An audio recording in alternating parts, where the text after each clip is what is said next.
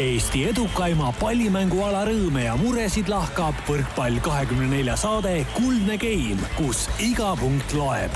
taustajõuna hoiab mängul hoogus ees Kredit kakskümmend neli tere taas, head kuulajad, on üheteistkümnes november ja meie kõige usinamatele kuulajatele tuleb öelda, et olete astunud sama reha otsa juba saja üheksateistkümnendat korda, sest just nii mitmenda osaga lähebki Kuldne Game täna eetrisse. seltskond neljapäeva hommikul kell kümme, mil me seekordset osa salvestama asume, on kirju. Tartut ja kogemusi esindavad tänases osas võrkpallivaatleja Mihkel Uiboleht, tere Mihkel! Tere hommikust! ja Tartu Bigbanki peatreener Alar Rikberg, tere ka sulle! tere hommikust! pealinna Tallinnat ja nooruse uljust asub Karin Aldo kõrval aga välja tooma Tartu sidemängija Aleksander Eerma. tere sulle, Sass! tere hommikust! hääled on kuidagi Alaril ja Aleksandril ära. milles asi, kas no, eilne mäng, kaks päeva järjest ikkagi? kaks päeva järjest äh, ei saaks isegi öelda, et ainult karjumist, kuigi kaasaelamise mõttes ka karjumist, aga aga sellise mõnusa rohkearvulise publiku ees mängides eh, tuleb peatreeneril isegi oma mängijatele millegi selgeks tegemiseks eh, oma häälepaelad veidi liigsesse pingesse ajada ja sellest taastumine võtab paar päeva aega. et teinekord tuleks vähem eh, saali publikut, siis see on see sinu soov? Või siis tuleb häält treenida, ma arvan, et pigem see on soov kas ruuporiga võib treener seal väljaku kõrval olla? vot seda mina ei ole oma elus küll kunagi näinud ja sellist tola ise küll mängida ei kavatse Aleksander, kas äh, võib-olla ongi parem, et ei kuule alati, mida Alar sealt väljaku kõrvalt karjub? või pigem ikka tahaks teada, mida treener ütleb? Ei no see oleneb, ma arvan, olukorrast täiesti, et üldjuhul seal ikkagi tuleb väga asjalikku infot, et seal tasub kuulata ikkagi. ma lihtsalt ütlen, et meil stuudio selline asetused on täna määratud nii, et äh, ütleme, Alar ja Aleksander istuvad kõrvuti, ehk siis eks Aleksandril ole ka oma piirangud peal, et kui ikkagi hakkab tulema väga valesid vastuseid, siis ilmselt on kehaline kontakt äh, kiire tulema. ma tean, et Kaasani seniit on just praegu, mil me seda saadet hakkasime lindistama, liikumas siis Tartust bussiga Peterburi poole. Alar, kas seda mõtet ei olnud, et läheks Tartu piiri peale kuskile kogu võistkonnaga ja lehvitaks, saadaks seniidi võistkonna väärikalt ära, et näed, aitäh, et tulite ja kaks mängu siin pidasite. Eh, oh, vot sellist mõtet meil küll ei olnud, et eh, pärast kahte rasket päeva meil on eesmärk ikkagi puhata ja tundub, et sinu äh, see suunitlus on no, nagu korduvalt selline eh, klouni mängimise poole, aga me üritame ikka tõsist sporti teha. ma just mõtlen ka, et, et küsimus, küsimus on nagu spordi tegemises, et, et noh, näiteks mis, mis tekitas minus nagu küsimuse siin esimese mängu eel, kui eh, vastaste siis staarmängija Mihhailov andis Rait Rikbergile üle kuu parima mängija tiitli. ma mõtlesin, et oot-oot-oot-oot, et kas me nüüd tahame nendega võistelda või me tahame nende ees siin nagu kummardada kuidagi, et mul tekitas nagu see juba küsimusi. ei, Mihhailov kummardas ju Rik-, Rikbergi ees. las ta kummardas, aga nagu ma ei kujuta ette, et kui Ronaldo tuleb eh, siia, et siis me laseme Ronaldol hakata enne mängu auhindu eh, üle andma, et, et ma arvan ikkagi, et vastane, noh, pärast mängu võime loomulikult arutada ja rääkida, et noh, kõvad mehed siin ja nii edasi, aga minu arust see on natuke sihuke, noh, see on natuke läheb samasse selle lehvitamise kategooriasse, mis te siin kirjutasite. vaata, Mihkel, ma räägin sulle nüüd ära, võrkpall on intelligentsete inimeste sport spordiala, inimesed saavad üksteisega läbi enne mängu, pärast mängu, isegi mängu ajal suhtutakse üksteise, üksteisesse väga sellise hea inimliku emotsiooniks, ei ole nagu jalgpall, et, et sa hakkad lollitama enne, enne mängu, mängu ajal ja pärast ka. aga siis siin seltskonnas siis on üks nagu selline jalgpalli kaldu inimene, see oled sina, sest sa tahtsid siin lollitama hakata, vähemalt Alari nagu neid eh, laenates, et ma saan jätkata seda asetustest rääkimast sellega, et minu kõrval on täna Mihkel istumas, nii et äh, siin ja seal juba läks teravaks varsti hakkab midagi ei, no, lendama. siin on veel, tähendab, mul on trumpkaarte siin küll täna taskus, et, et siin on, me, me võime muidugi, Karl, sinu personaalküsimusega kohe letti võtta, et möödunud laupäev, kes veel ei tea, oli ajalooline päev, et need kaks mängu siin Kaasini seniidiga on kõik taustal, aga Karin Aldo Eesti esiliigas Tallinna Ülikooli eest debüüt Äh, mängis siis äh, loomulikult äh, Alar, Margo Meresaare juhendatud Bigbank duo vastu ja kolmandas skeemis sai väljakule kaks punkti, miinus kolm, mis siis sai kaksteist, kaksteist tõstet, kaks. ma tahtsin seda ka lisada. ma tahtsin, ma tahtsin küsida, jah. rünnaku efektiivsus seitseteist protsenti, vastuvõtud oli kaheksa jah, nendest siis nagu siukseid väga häid oli kakskümmend viis protsenti, inimesed võivad ise arvutada. vastuvõtu protsent oli viiskümmend siin on osadest Tartu meestest on ikkagi selgelt parem see. no ühesõnaga ja, Sellega võib ja, ja kui me vaatame siis Tallinna Ülikooli selle esiliiga mängu siis Tartu järelkasvu kaua sa peatud sellel, Mihkel, kas me jõuame täna rääkida Kaasini mängust ka? võitis kolm-null, kakskümmend üks, kakskümmend kaks ja viimases skeemis kakskümmend kolm punkti said vastased, see oli kohe näha, et Karl sai platsile, sest et viimases skeemis said vastased kõige rohkem punkte. Mul ei ole midagi enda kaitseks öelda. Argo kohe, kui ma kolmanda geimi alguses mind väljakule pandi, Argo näitas ära noortele poistele Tartus, et näed, pange nüüd selle venna peale kõik servid. oota, kumb, Arak või Meresaar, kumb ära näitas Tartu noortele poistele? Arak oleks ka näidanud, aga ta õnneks või kahjuks juhendas meie võistkonda, nii et no ta, ta mõtleski, et, et pange sellele vennale, sest tegelikult oli, ta teadis, et sul on vastuvõtt korras nagu. Karl, kas kas sa servima said ka? äh, sain, sa seda ei lugenud ette, seal on ka kirjas, ma ei hakka ise seda ütlema. mitu servi mitu servi tuli? kolm servi kolm viga. Ja kaks viga. kaks viga, noh. sa tõid ühe üle, üle vähemalt ju. mul ei, oota, pean oota, ma veel midagi ütlema? ei, aga kas, kas kuidagi siit saate kaudu, ma just mõtlen, et kas see on kuidagi nagu Nonii, mm,, ma ei oskagi öelda, et. ütleme, ma näitasin, ma näitasin esiliigas, kuidas Rahvaliigas mängitakse. ma okei okay.. tutvustasin neile rahv-, ma rohkem mõtlesin, et äkki siit saate kaudu kuidagi noh, et kui Alar siin saates on, et äkki ta annab mingit nagu konstruktiivset tagasisidet no või anna. ma Mängu nägemata pigem sa kindlasti oskad öelda. ei ole vaja öelda, aga tundub, et meil on saade kah nii palju pulli, et eh, läinud nagu selline Eesti otsib superstaari ja meil on natuke Eesti otsib võrkpallurit ja siin saates läbi käinud inimesed, näed, kui nad ei oska mängida, mõni võistkond ikka nopib ära.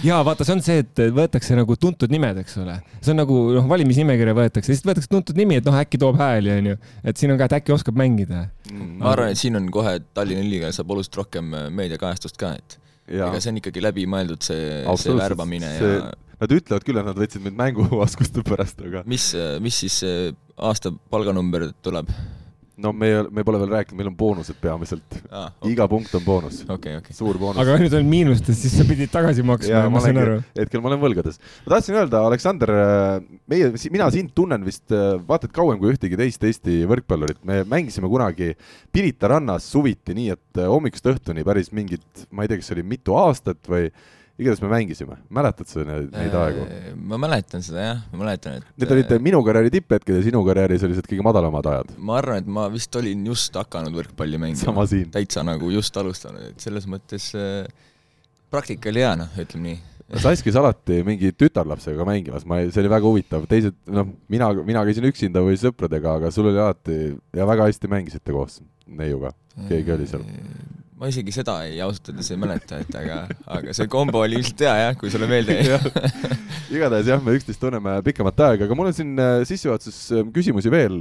kui me rääkisime sellest, et Kaasani buss läks täna ära, kas Alar seda ohtu ei olnud, et keegi meestest võetakse juba peale ja, ja oledki ilma jäänud kellestki pärast neid kahte mängu? tead, vastupidi oli, enne mängu äh, vaatasin, et Argo Meresaar rääkis äh, pikemalt äh, Maiko Kristensoniga ja kuna tema enda sidemängija on vigastada saanud esiliigas, siis küsisin, et kas sai, sa, kas sai kokkuleppele ja Argo ütles, et jah, kõik asjad on hästi ja, ja mis mul ikka muud, kui ma ütlesin, et ole hea, et laena vajadusel mulle ka paariks mänguks, siis meil on selline farmklubide leping ja võib-olla on mingi hetk, kus ma temale ka aega leian, et väljakule saata. ja, ja kes siin Võrkpalli kakskümmend neli Instagrami vaatas, siis seal oli ju näha, et ta tegi juba nende Argo poistega trenni. trennid, mängu kusjuures. enne mängu tegi esimese trenni juba koos ära nendega, nii et ja, ja noh, selles mõttes on kõik, see, see juba ainuüksi, et esimene trenn tehti koos ära, näitab, et ta tegelikult oli nõus nende tingimustega, mis Argo pakkus talle. ja Argo ütles mulle ainult ühte, et äh, rahas ei ole küsimus. selge, ma lihtsalt ütlen ära, mida siis äh, Kristjanson ise ka seda Võrkpalli kahekümne nelja Instagrami postitust, kus oli näha, kuidas ta siis noorte poistega, muuhulgas ka Meresaare pojaga võrkpalli seal tõesti kakskümmend minutit enne eilset äh, mängu äh, mängis ja, ja Kristjanson ise kirjutas sinna kommentaari veel sotsiaalmeediasse I had some great teammates, vot. Nii et äh, ega ei ole kindel, et ta tuuaski põhikoosseisus kohe on, kuigi ma saan aru, sidemängija on eemal. no vot, seal ongi see variant praegu, et kuna on vigastustega hädasi, siis äh, on tal võimalus ka väljakule jõuda. selge, aga ühesõnaga ei, ma vaatasin Aleksei Verbovi peatreeneriga, sa Alar ise rääkisid päris lõbusalt seal äh, mängude ja järel, et, et neil ei ole seal seitsmendat treenerit vaja. Ei taha olla seitsmes treener, pole põhjust, olen olnud äh, kolmas, neljas, viies, Venemaal oli meid ikka väga palju staff'is sees ja, ja kui vaadata tõesti ma usun, et nad on päris hästi mehitatud nii mängijate kui ka abimeeskonna osas. Ja meie olime Oliveriga pingi peal kahekesi, siis teisel poole peal lisaks mängijatele oli ikkagi korralik äh, plejaad äh, teisi abimehi olemas, et, et ei ole keset hooaega siin mängijaid niimoodi liikumas äh, rääkimata staff'ist, aga teistpidi jällegi mõnele võrkpallurile äh, võis üks või teine meie mees silma jääda ja sellised asjad pole absoluutselt mitte vähetähtsad. et äh, tulevikus ei pruugi olla see kaasan, ei pruugi see isegi olla Venemaa, aga ükskõik, kes neist mängijatest on seotud mingi klubiga, siis eriti Eesti mängijate kohta head infot ju ei ole Äh, kui me räägime suurest võrkpallist, et äh, üksikud meie staarid, keda tuntakse ja ükskõik kelle mingisugune äh, märkus, et näed, seal nägin teda ja päris hästi sai hakkama, võib teinekord elus isegi mingite õnnestumiste osas päris suurt rolli mängida no me sujuvalt äh, hakkamegi siis rääkima nendest kahest mängust, tuletame meelde ka võrkpallisõpradele, CEF karikasarja ehk siis tugevalt teise eurosarja mängudega oli tegu. Seniit äh, nõustus mängima ka teise mängu Tartus äh, ja ütles siis ka Verbov väga ilusti, et me teame, et Tartul oleks päris keeruline ka rahaliselt Äh, sinna kaugele Venemaale reisida ja kuna see, see viisa saamine on täna selline, nagu ta on koroona tingimustes, siis tuldi hea meelega vastu, järgmine mäng Peterburis ka laupäeval ja sinna siis otse bussiga täna sõitma hakati, aga kaks mängu peeti, esimene mäng, mina ütlen ausalt, minu elu üks suuremaid spordiemotsioone, kahtlemata üks-kolm kaotus küll, aga, aga kui tõesti üks kaotus saab olla ilus, siis see oli, oli tõesti üks ilus kaotus ja eile kordusmäng siis äh, null-kolm. Äh, Mihkel, sina olid teisel mängul publikus, esimeseks mänguks sa kohale veel ei jõudnud? no ma pidin nautima sinu kommentaare ka ühe, ühe mängu ja saatma sulle mõned täpsustused mängu jooksul. jaa, seda küll. Äh, jaa, tegelikult äh, noh, esimene mäng äh, oli väga lähedal see, et oleks saanud vastased nagu päris vihaseks ajada, sest et neljandas oli ju kas kakskümmend kaks, üheksateist oli see seis oli. ja oli tegelikult väga, ütleme, reaalne see kakskümmend kolm, üheksateist ka saavutada.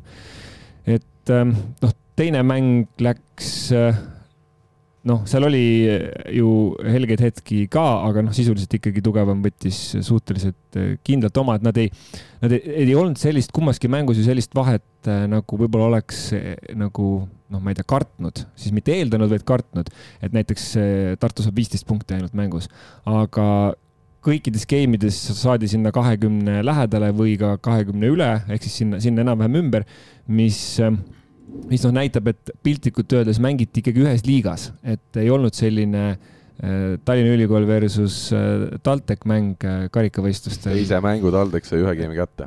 no täpselt, seda ma tahangi öelda, et, et võib-olla teiseks mänguks juba mindi sellele, sellele sarnasele tasemele, aga põhimõtteliselt esimene mäng, kus, kus, kus karikasarjas null kolm kaotati, et seal oli nagu ikkagi selline noh, selge, et, et võistkonnad ei mängi nagu samas liigas.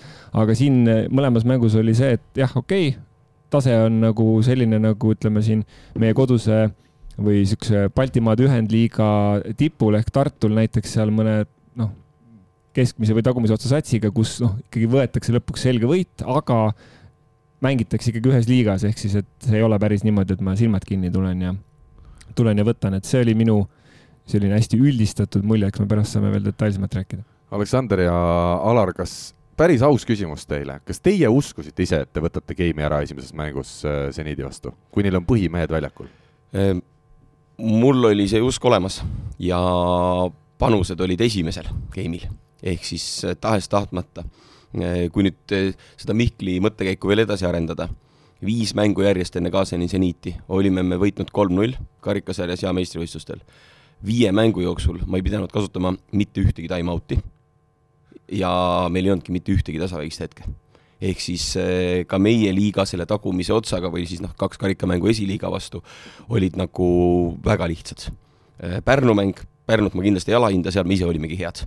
ja see oli väga mõnus nagu ettevalmistus, samas noh, igatipidi ükskõik, mis tasemel sa mängid, sa tahaks, et eh, enne nagu mingit tähtsat mängu sul on sarnase tasemega vastane olnud ettevalmistuseks, noh, selge on see, et see ei olnud sarnase tasemega.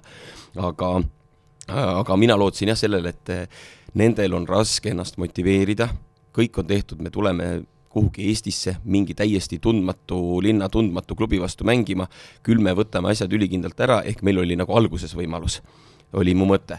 no näha on tipp-professionaalid, ettevalmistus, ega nad kuskilt nagu järele ei anna, nende treeningud, nende rütm, see oli meie vastutulek ka et eh, me oleme isegi siin sõitnud ja käinud eh, väljas mängimas, enamasti sul ei ole nii head eh, ettevalmistust, saaliga harjumisvõimalust, kui on kodumeeskonnal. Aga kaaslane tegi täpselt samas rütmis terve selle nädala, ehk siis esmaspäeva hommikul jõusaal, esmaspäeva õhtul pallitrenn, teisipäeva hommikul pallitrenn, teisipäeva õhtul mäng, kolmapäeva hommikul trenn, kolmapäeva õhtul teine mäng. Nad tulid ju siia, eks ole, pühapäeval juba. täpselt, nad tulid väga vara ja neil oli päris kõva eelis, et neil ei olnud mingisugust reisiväsimust kontides, vaid nad said saidki oma parimat mängu näidata. aga ma nüüd äh, tõmbaks selle võrdluse ootuste osas äh, game'i võit versus see, mida ma nagu tegelikult tahtsin. Et äh, mu suur ootus ja lootus oli see, et me mäng-, saaks mängida mm, täisrivistuses Kaasani meeskonna vastu sest küllalt juhtub CEF Cupis selliseid asju, et Kaasani seniit saab ükskõik mis riigi või mis klubi vastu, kolm-neli põhimeest jäetakse koju puhkama kui mängitakse veel eriti kodus pluss võõrsil. Äh, ei hakata isegi reisi ette võtma, sellepärast oli ka see mu idee, et mängime mõlemad siin, nad peavad otse minema Peterburi, nad niikuinii peavad kõik mehed kaasa võtma ja see oli mis... kohe see õnn, et neil see Peterburi mäng sattus olema järgmine äh,. loomulikult, ja sealt ma hakkasingi seda asja vaatama, et Moskva enne, Peterburi mäng pärast, rasked mängud äh,, neil on ka vaja trenni teha. Äh,, Verbo mulle selle, seda ka vestluses ütles, et raske graafik ainult mängivad ja sama, mis meil on olnud, eriti hooaja algus oli, nüüd paar nädalat oli eripärane, et me saime trenni ka teha. Ja me saimegi paremaks tänu sellele et nendel on ka ainult mängud ja mängueelsed treeningud, et kokkumängu seal lihvib, aga noh, see ei ole selline tavapärane võrkpallitrenn. no me võime siin kohe ühe detaili sellest mängust siis välja võtta, see, et Kristenson tunnistaski, et Mihhailoviga siiamaani tõste ei klapi, sest nad ei ole jõudnud siiani üldse trenni teha selle kokkumängu leidmisel, kogu aeg ühelt mängult teisele. jah, aga kui nüüd vaadata eelnevaid videopilte ja nende omavahelist koostööd, siis nagu parem, see klapp mitte lihtsalt oli parem, vaid mulle tõesti meeldib ja see on on asi, millest õppida, kuidas Mihhailov eriti tagaliinis, milline on tal tehniline see noh, ütleme siis rünnakule pealetulek, ajastus, ta lööb tagaliinist ühe pealt peaaegu sama kiiresti, kui lüüakse paipi. kui te nüüd mõtlete mängu ülesehituse pealt, et tagaliinis kuue pealt alati tuleb justkui ülikiiresti rünnak ja keegi ei ole selleks valmis. ja kuidas mängida nüüd võistkonna vastu, kus võib tulla kuue pealt Volkov või Bednorts ja ühe pealt veel Mihhailov samasuguse ajastusega. et eh, plokimeestel ongi paras segadus ja väga keeruline kuhugi jõuda ja mingisugust plokki üles ehitada. et eh, see klapp oli neil olemas ja Mihhailov ju kõik need eh, eelnevad Venemaa meistrivõistluste mängud mängis hästi, resultatiivselt ja ka efektiivselt. et, et noh, siin tõesti esimeses mängus ei klappinud, paar tõstet olid sellist, kus Mihhailov pidi palli kahe käega üle söötma meile ja see oligi see meie eelis, selliseid asju juhtub meil täpselt samamoodi aga noh, see on loomulik, et nad leiavad. aga nagu tagasi tulles selle eelmise teema juurde, millest ma tahtsin rääkida, et see lõppkokkuvõttes kõige mõnusam asi, mis siit kaasa võtta, kaasani seniit selleks, et siit paarist edasi saada, pidi võitlema esimene mäng tõsiselt ja nagu nad ise ütlesid, natukene omades ka õnne, et see kolm-üks võit kätte saada ja teises mängus kaks geimi kätte saada, edasipääs kindlustada ja tehes seda kogu aeg oma parimas koosseisus mitte kordagi ei saanud jalga lõdvaks enne seda lasta, et meil on, neil oli vaja seda edasipääsu, nad tahtsid äh, järgmisse ringi saada ja seda ei saanud lihtsalt. Ja kui lõpuks käes oli, siis alles kõige viimane game, ehk siis sama, mis mina tihti tahan teha, oma vahetusmängijatele ka äh, väljaku aega anda, siis nad said äh, peetud seitsmest game'ist ainult ühe korra seda teha kõige viimases game'is. Aleksander, kui eriline see, need kaks päeva sinu võrkpallurikarjääris olid äh, tuletame meelde, sa oled ju mänginud pikki aastaid Tallinna Tehnikaülikooli võistkonnas, ühe aasta mängisid Saaremaal, Saaremaa siis esimesel hooajal, aga olid seal Aleksander Duši kõrval teine sidemängija, eriti platsile ei pääsenud, nüüd tuleb kaasani seniit. kas sa, ütleme veel pool aastat tagasi oskasid üldse unistadagi sellisest hetkest ei no teg-, tegelikult ei osanud, et äh, see on niisugune suht uskumatu pool aastat praegu nagu olnud, et äh, et äh, ise ka vahepeal ikkagi, kui hommikul hakkan trenni minema, mõtlen, et kurat, et päris, päris vinge, mis, mis praegu nagu toimub, et, et selles mõttes ma pean olema ikkagi väga tänulik äh,, tänulik Tartule ja väga tänulik ka, ka TTÜ-le, kes nagu noh, nii-öelda siis äh, lasi. su klubi nimi on TalTech juba mitmekümnest aastast jah, aga vaata, see on see, et minusugune inimene harjub seda TalTechi ütlema, sest mul on tõesti selle ülikooli ja, ja selle vana TTÜ nimega nii väike seos aga mm -hmm. sama mure, et eh, ma arvan, et eh, vähemalt aasta aega ma pidin oma meeskonna Pereleiva nimest Bigpanga nimeks ümberõppimiseks vaeva nägema, sest terve minu elu on see olnud. ei ole öösel Foods enam, Alar või? öösel Foods oli, see oli olnud nii seotud ja see ei olnud isegi päris sama klubi mitte, kui me räägime juriidilisest poolest. küll jah, Tartu esindusmeeskond samamoodi, aga olles ise kasvanud selle meeskonna juures kuigi ma noh, otseselt nagu tööalaselt seotud ei ole olnud, vahepeal aidanud erinevaid asju pereleivaajastus. et eh, noh, kui sõpradega kokku saame, eh, suvel grilli teeme, siis eh, väga tihti läheb jutt pereleivamängudele et see asi jääb sisse ja samamoodi ma arvan, et Sassil on ka see TTÜ nimi lihtsalt mm -hmm. sisse jäänud, sest on raske lahti saada. minu isa ütleb siiamaani, et kuidas Leningradis asjad on, kuigi ma ütlen talle, et juba kolmkümmend aastat on linna nimi Peterburg. ma ütlen päris ausalt, et seal läheb ka mul sassi, ma kasutan ka vahest vale nime aga Sass, tagasi sinu juurde, kuivõrd eriline see mäng ja need mängud olid? Äh, no ütleme nii, et äh, sellist võimalust nagu Alar ütleski ka tegelikult ühes intervjuus, et noh, et sul mõni mees mängib terve karjääri, ma ei tea, oma Sev-Cupi ja mis asju, et ja, ja ei teki sellist võimalust, et äh, et selles mõttes väga vinge asjade kokkusattumus ja, ja tõesti nagu võimalik ennast proovile panna absoluutse maailma tipu vastu ja nagu näha, et kuidas, kuidas nagu see asi käib, et äh, millised kiirused, millised täpsused, äh, noh, milline, milline võim seal taga on, et äh, et seda oli, ütleme nüüd platsi peal oli ka väga-väga eriline olla, et et ja, ja fännid ka, et tegid selle atmosfääri väga, väga vingeks. selle, seda kõike arvesse võttes, kuidas suutis Tartu Bigbank niivõrd hästi seda esimest mängu juba alustada ja, ja kokkuvõttes terve mängu ära mängida, et kas te tundsite ikkagi vabalt ennast, ennast siis väljakul? Äh, ma, ma arvan küll selles mõttes, et, et äh, ma ei, ma ei usu, et keegi oleks läinud kuidagi nagu, nagu mingisuguse mütsiga lööma, et, et meil olid nagu selles mõttes oli hea mäng all. Äh, ja, ja, ja, ja tegelikult see ongi niisugune koht, kus ennast näidata, kus sa saadki tegelikult kõik välja panna ja nagu me proovisimegi mängida võimalikult nii-öelda riskipiiril see risk äh, ka paaris kohas nii-öelda õigustas ennast, et, äh, et võimas. võimas jah, et Mihkel, mis sa kõrvalt ütled veel selle peale, et, et tartlased just said hakkama ja mitte ainult episoodiliselt game ides mingites väikestes momentides, vaid, vaid stabiilselt?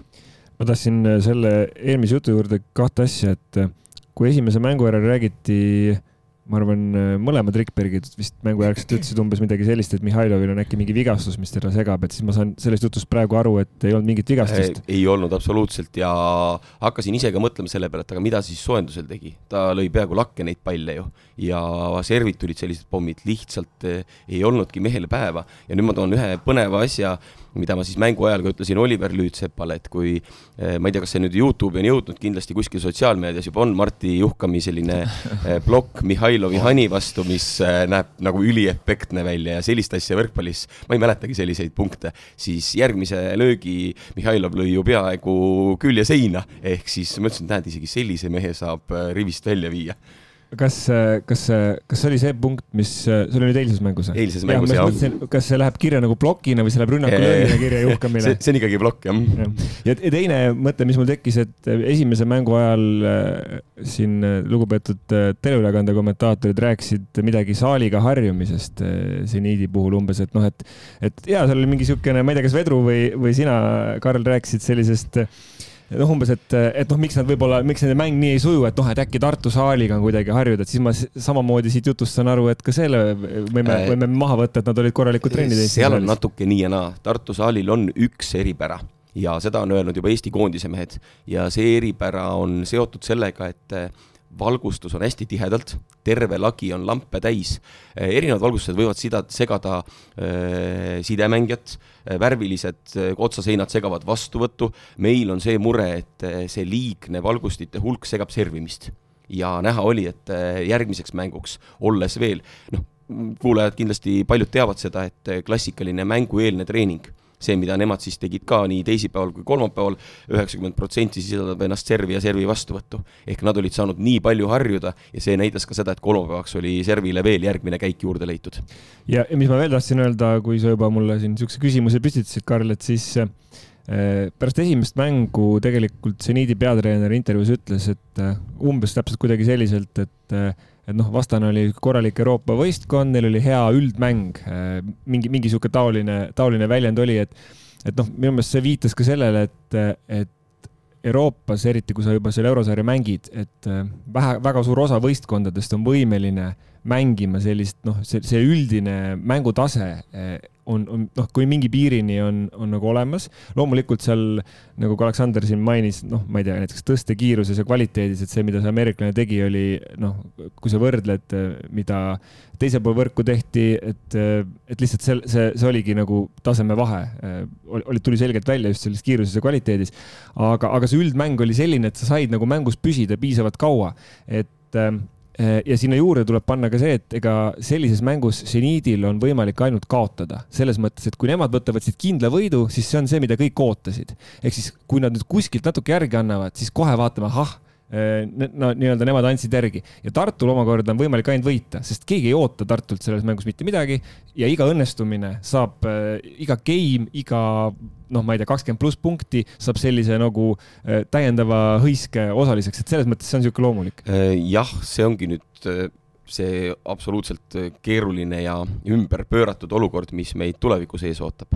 et praegu me saime nautida, nüüd me peame jälle hakkama võitma ja ei ole lihtne mängida, ükskõik mis äh, spordis ei ole lihtne, kui sul on see võidukohustus ja seesama favoriidikoorem, mida äh, meie endagi mõned treenerid meelega topivad äh, vastaste õlule ja väga kavalalt, sellepärast et palju lihtsam on mängida niimoodi pingevabalt. nüüd eriline oskus ja meistriklassi näitaja ongi see, et kui sa oled sunnitud võitma, kuidas siis samamoodi pingevabalt ja mõnusalt mängida. täiesti nõus ja siin on ju, tuleb kohe meelde Avo Keele selline mõnus äh, jutuvada enne Eesti-Läti mängu EM-i, EM-il, kus pandi rahulikult eestlastele see koorem peale ja, ja selle alla nagu ka, ka matuti, aga jaa, noh, mul lihtsalt seda vastasseisu vaadates tuli noh, meelde üks mõne aasta tagune jalgpallimäng, kus, kus mängis äh, Portugal Cristiano Ronaldoga eesotsas ja teisel pool oli selline väike võistkond nagu Andorra.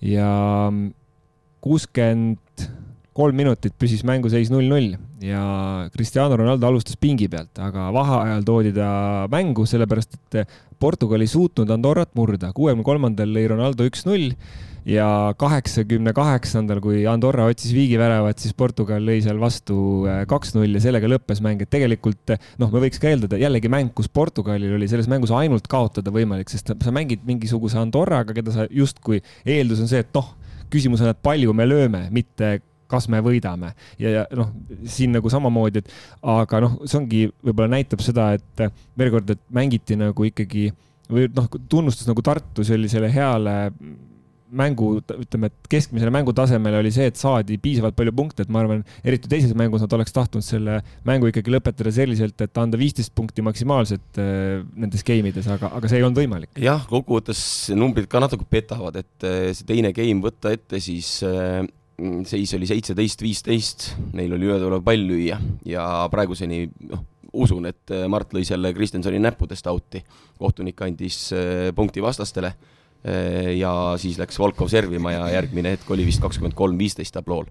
ehk siis oleks olnud kuusteist, seitseteist. Neid olekseid on nii palju, et mul on, kuna ma vaatan kõik mängud punkt punkti haaval, noh, julgelt kolm korda enda mängud üle siis äh, iga kord tuleb selline päris karm tunne peale, kui sa tead, ja esimest mängu ma olen juba üle vaadanud, selle ma tegin eile, enne siis teise mängu koosolekuks valmistumist. Ja siis vaatasid, et nüüd tead, kakskümmend kaks, üheksateist, mäletad, okei okay,, me saame selle game'i tappa. Ja siis hakkad vaatama, et iga punktiga oleks võinud see, siit-sealt midagi paremini teha. Ja tegelikult kõik need punktid oleks võinud meile tulla, et see on nagu nii karm pärast, et need üksikud, muidugi jalgpalli eripära selles suhtes ei päde, et seal seda äh, juhuslikus tulemuses on rohkem, sest et eh, punkte, ütleme siis väravaid, nagu sa ütlesid, et saadi kaks, aga võrkpallis mõlemad võistkonnad saavad sadakond iga mäng. et eh, noh, jah, vastane võib need üks-kaks ära teha, võib viiskümmend, seitsekümmend ära teha, aga ma teen lõpuks sada. ja ikkagi on see ülekaal olemas, et lihtsalt neid mängitavaid asju ja, ja võidetavaid punkte on nii palju rohkem. ja mis mulle veel meelde tuli seda, seda vastasseisu vaadates, oli Eesti-Venemaa mängud Kalevi hallis, kas see oli neli aastat tagasi umbes, kui, kui, kui ka oli esimene game võideti, eks ole, ja teises oli tegelikult Täp, väga lähedal. täpselt sama, kakskümmend kaks, üheksateist. ja, ja, ja, ja just nagu seesama, et noh, ütleme nii, et ega venelastel oli suhteliselt näost, nad olid suhteliselt näost valged tol hetkel, aga noh, jällegi lõpuks tugevam võttis oma ja lihtsalt noh, nii-öelda pingutati ära see ja, ja ehmatati vastane, aeti nii-öelda noh.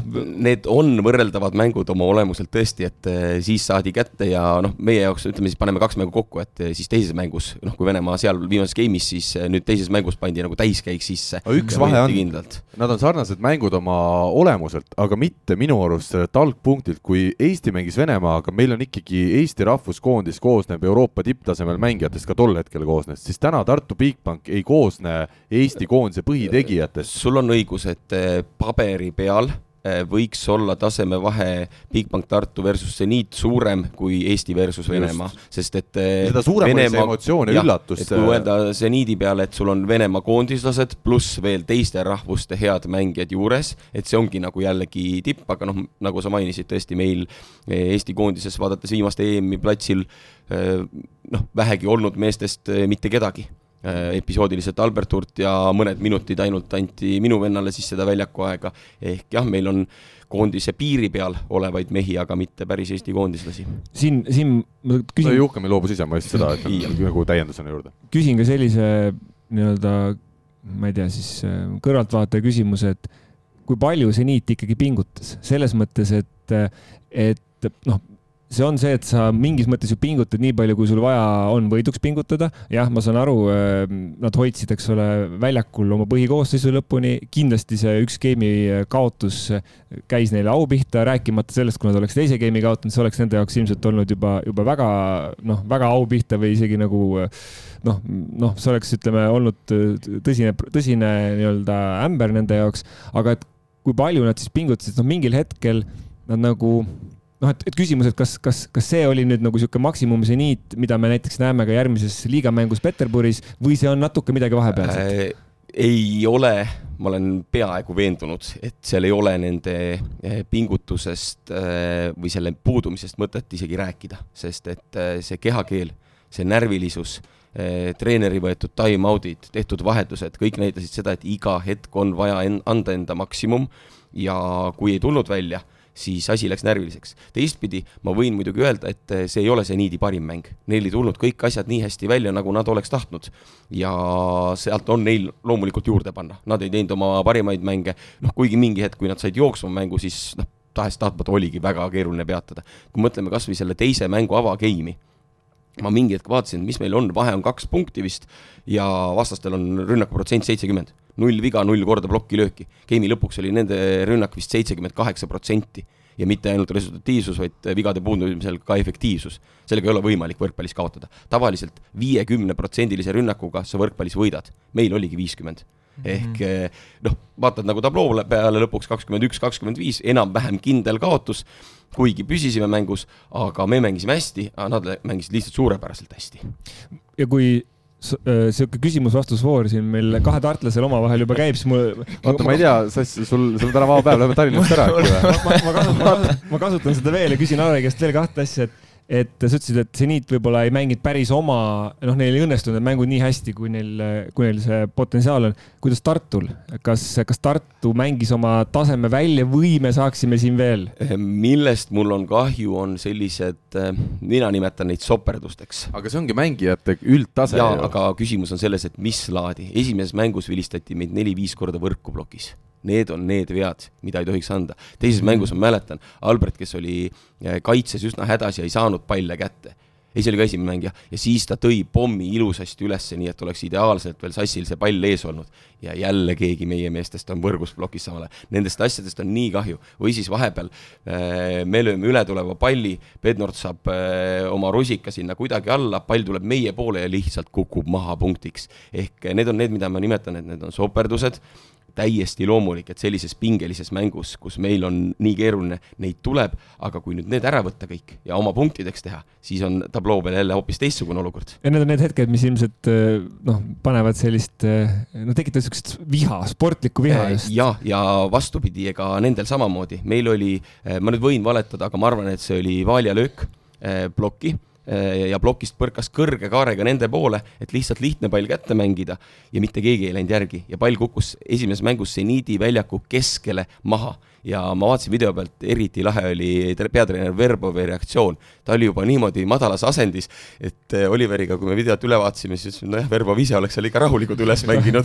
Ja, ja, ja veel küsin seda ka, kahe mängu vahel kas, kas seniit midagi äh, muutis või ütleme nii, et mulle kõrvaltvaatajana jäi nagu selline mulje, ma nüüd numbreid ei ole vaadanud, et neil esimeses mängus ikkagi selliseid oma vigu oli seniidil oluliselt rohkem kui teises mängus. jah, aga oma vigade arv oligi see, et äh, natukene mitte natukene, enda kohta ikka väga palju ebastabiilne Mihhailov ja ülejäänud need vead olidki, kus ma kommentaarides palju mainisin, et neljandat geimi meile pakuti. neljanda geimi teises osas nad hakkasid lihtsalt, see, mida ma meest, oma meestele kogu aeg ütlen, et kui jõuga ei saa, siis tuleb targalt lahendada. Nad hakkasid lööma veel tugevamini, veel kõrgemalt ja out'i Bednorts, Volkov eelkõige ja, ja virutasidki selliste kõrguste pealt, kus äh, plokki ega kedagi ei ole ja nad ei löönud neid palle väljakule, isegi neil on mõte. tahtsid kätest minema lüüa neid palle. ja nad esimeses mängus tõesti tegidki rünnakul omajagu vigu, eriti selles neljandas game'is, hoidsid meid sellega mängus. aga ma arvan, et seal ju võis olla veits see ka, et ega ega sul ongi nagu kaugemalt raskem rünnata ka, ma arvan, et me saime seal neljandas keebis nad ikkagi võrgust ka piisavalt äh, eemal ja kolmas oli tegelikult ju näitas väga hästi seda, et äh, kui ikkagi noh, Valja tegi seal väga kõva serviseere, et kui panna ka seniit äh, korraliku servisuure alla, siis, siis on samamoodi neil ikkagi ju raskeid palle nagu ka keerulisem lahendada. Sass tõigi välja selle, millest me ju enne mängu rääkisime, et tekiks võimalus, on vastane vaja serviga eemale saada see on nüüd äh, see, millest mul on kahju, ma korra tõmban ühe teise teema, kogu eurohooaja, me võime sellest ka pikemalt rääkida. sellest mul on kahju, et sellega me ei saanud hakkama Benfica vastu mm. -hmm. teada oli, Benfica ründab kolmest pallist kaks punktiks, kui neil on vastuvõtt käes. täpselt nii nad meie vastu ka tegid, nii esimeses mängus kui teises mängus, ja me ei saanud serviga vastast surve alla ja Benficale õnnitlused, nad on jõudnud meistrite liiga põhiturniirile Jälle. pärast eilset võitu ja me langesimegi siis võideldes, aga väga korraliku võistkonna vastu ja kui nüüd veel oma eurosarja päris algusesse tagasi tulla, siis eh, CEF Cupi alustas edukalt ka šveitslaste Amrisvil, kes võitis siis teist eh, Genoa Šveitsi klubi esimeses mängus, teine mäng on neil veel ees. ega ma ei välista absoluutselt, et see Amrisvil purjetab meist eh, tulemuse mõttes palju kaugemale sel hooajal ja samas meie olime need, kes eh, nad meistrite liigas ju juba eelringis välja lükkasid ja Šveitsi meistrivõistlustel ma nüüd ei tea, kas nad eh, sel nädalal midagi juurde on mänginud, aga seni on tunnistatud ainult kolm-null ja kolm-üks võite mm. -hmm. ja kui me räägime veel kahe, kahe võistkonna vahest, Seniit ja Tartu, et siis üks asi, mis kindlasti hakkas silma, noh, loomulikult pikkus, selline selline, ütleme noh, seal, seal kommentaatorid ütlesid, et umbes, et sa ei saagi Järve platsile panna, sellepärast et noh, lihtsalt eh, jah, siin küsimus, küsimus on nagu puhtalt pikkuses, aga teine asi, mis võib-olla hakkas silma, oli see, et, et võib-olla kaitsemängus jällegi eh, noh, sa sõitsid lihtsalt sama Benfica, et kui hea oli Benfica kaitsemängus ja näiteks Eh, seda nagu seniidil sellisel kujul ei olnud, et nad ei, nad ei olnud ka harjunud mängima sellist, nende plokk on juba nii kõrge, et, et, et, et sa noh, mingi hetk, kui sealt õnnestus, kasvõi naabril õnnestus sealt plokist, ma ei tea, noh, mingid asjad isegi üle hanitada või siuksed pooleltki lükata, et, et siis nad olid tegelikult nagu hädas, et siuksed ebatraditsioonilised pallid sinna, nende, nendega nad olid hädas. olid hädas, aga samas teistpidi, kui sa vaatad, et meie üks selliseid trumpe, mis Benfica vastu isegi toimis, esimene mäng äkki oli kümnest üheksa paip Äh,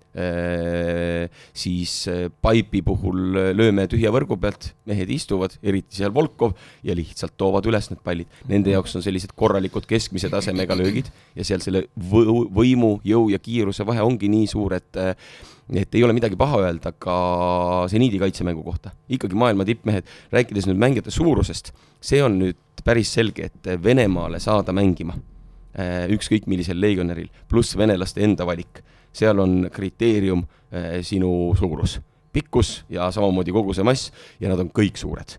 Eh, olin ma ise Venemaal, kõikides võistkondades see on läbiv, me hakkasime siin eile õhtul ka arutama, et noh, millised eestlased siis eh, üldsegi sinna liigasse jõudnud läbi ajaloo on. keegi küll pikalt ei ole olnud, kaks meest mängisid seal ühe hooaja ja üks mees, ma ei tea, mitu kuud ta oli, ehk siis meil olid Argo Meresaar, Oliver Venno, Jaanus Nõmsalu, kõik suured tugevad mehed. Venemaal see on päris kriteerium, kuidas mehi valida, sa peadki suur olema ja kas pärast esimest mängu sa ütlesid, Alar, ka, et, et vastased ei olnud harjunud planeerivat servi vastu võtma, sest Venemaal ei mängita seda? jah, Venemaal on üksikud, nende planeeriva servi efektiivsus vastuvõtul enne meie mängu oli kõikidel meestel üle seitsmekümne viie protsendi ehk üsna ideaalne, nagu ei olekski mõtet lüüa. aga teada on, et ega Bednorts juba Poola ja Itaalia klubides mängides ei ole vastuvõtul väga hea ja eelkõige Mart Naaber, aga samamoodi Kevin Soo, eh, samamoodi Sass, me läksime planeeriva peale, ka Albert isegi läks eh, esimeses mängus mingi hetk planeeriva ja hübriidi peale ja see toimis päris ilusasti. Eh, ka Volkovi pealt, ka Libero pealt seal tuli.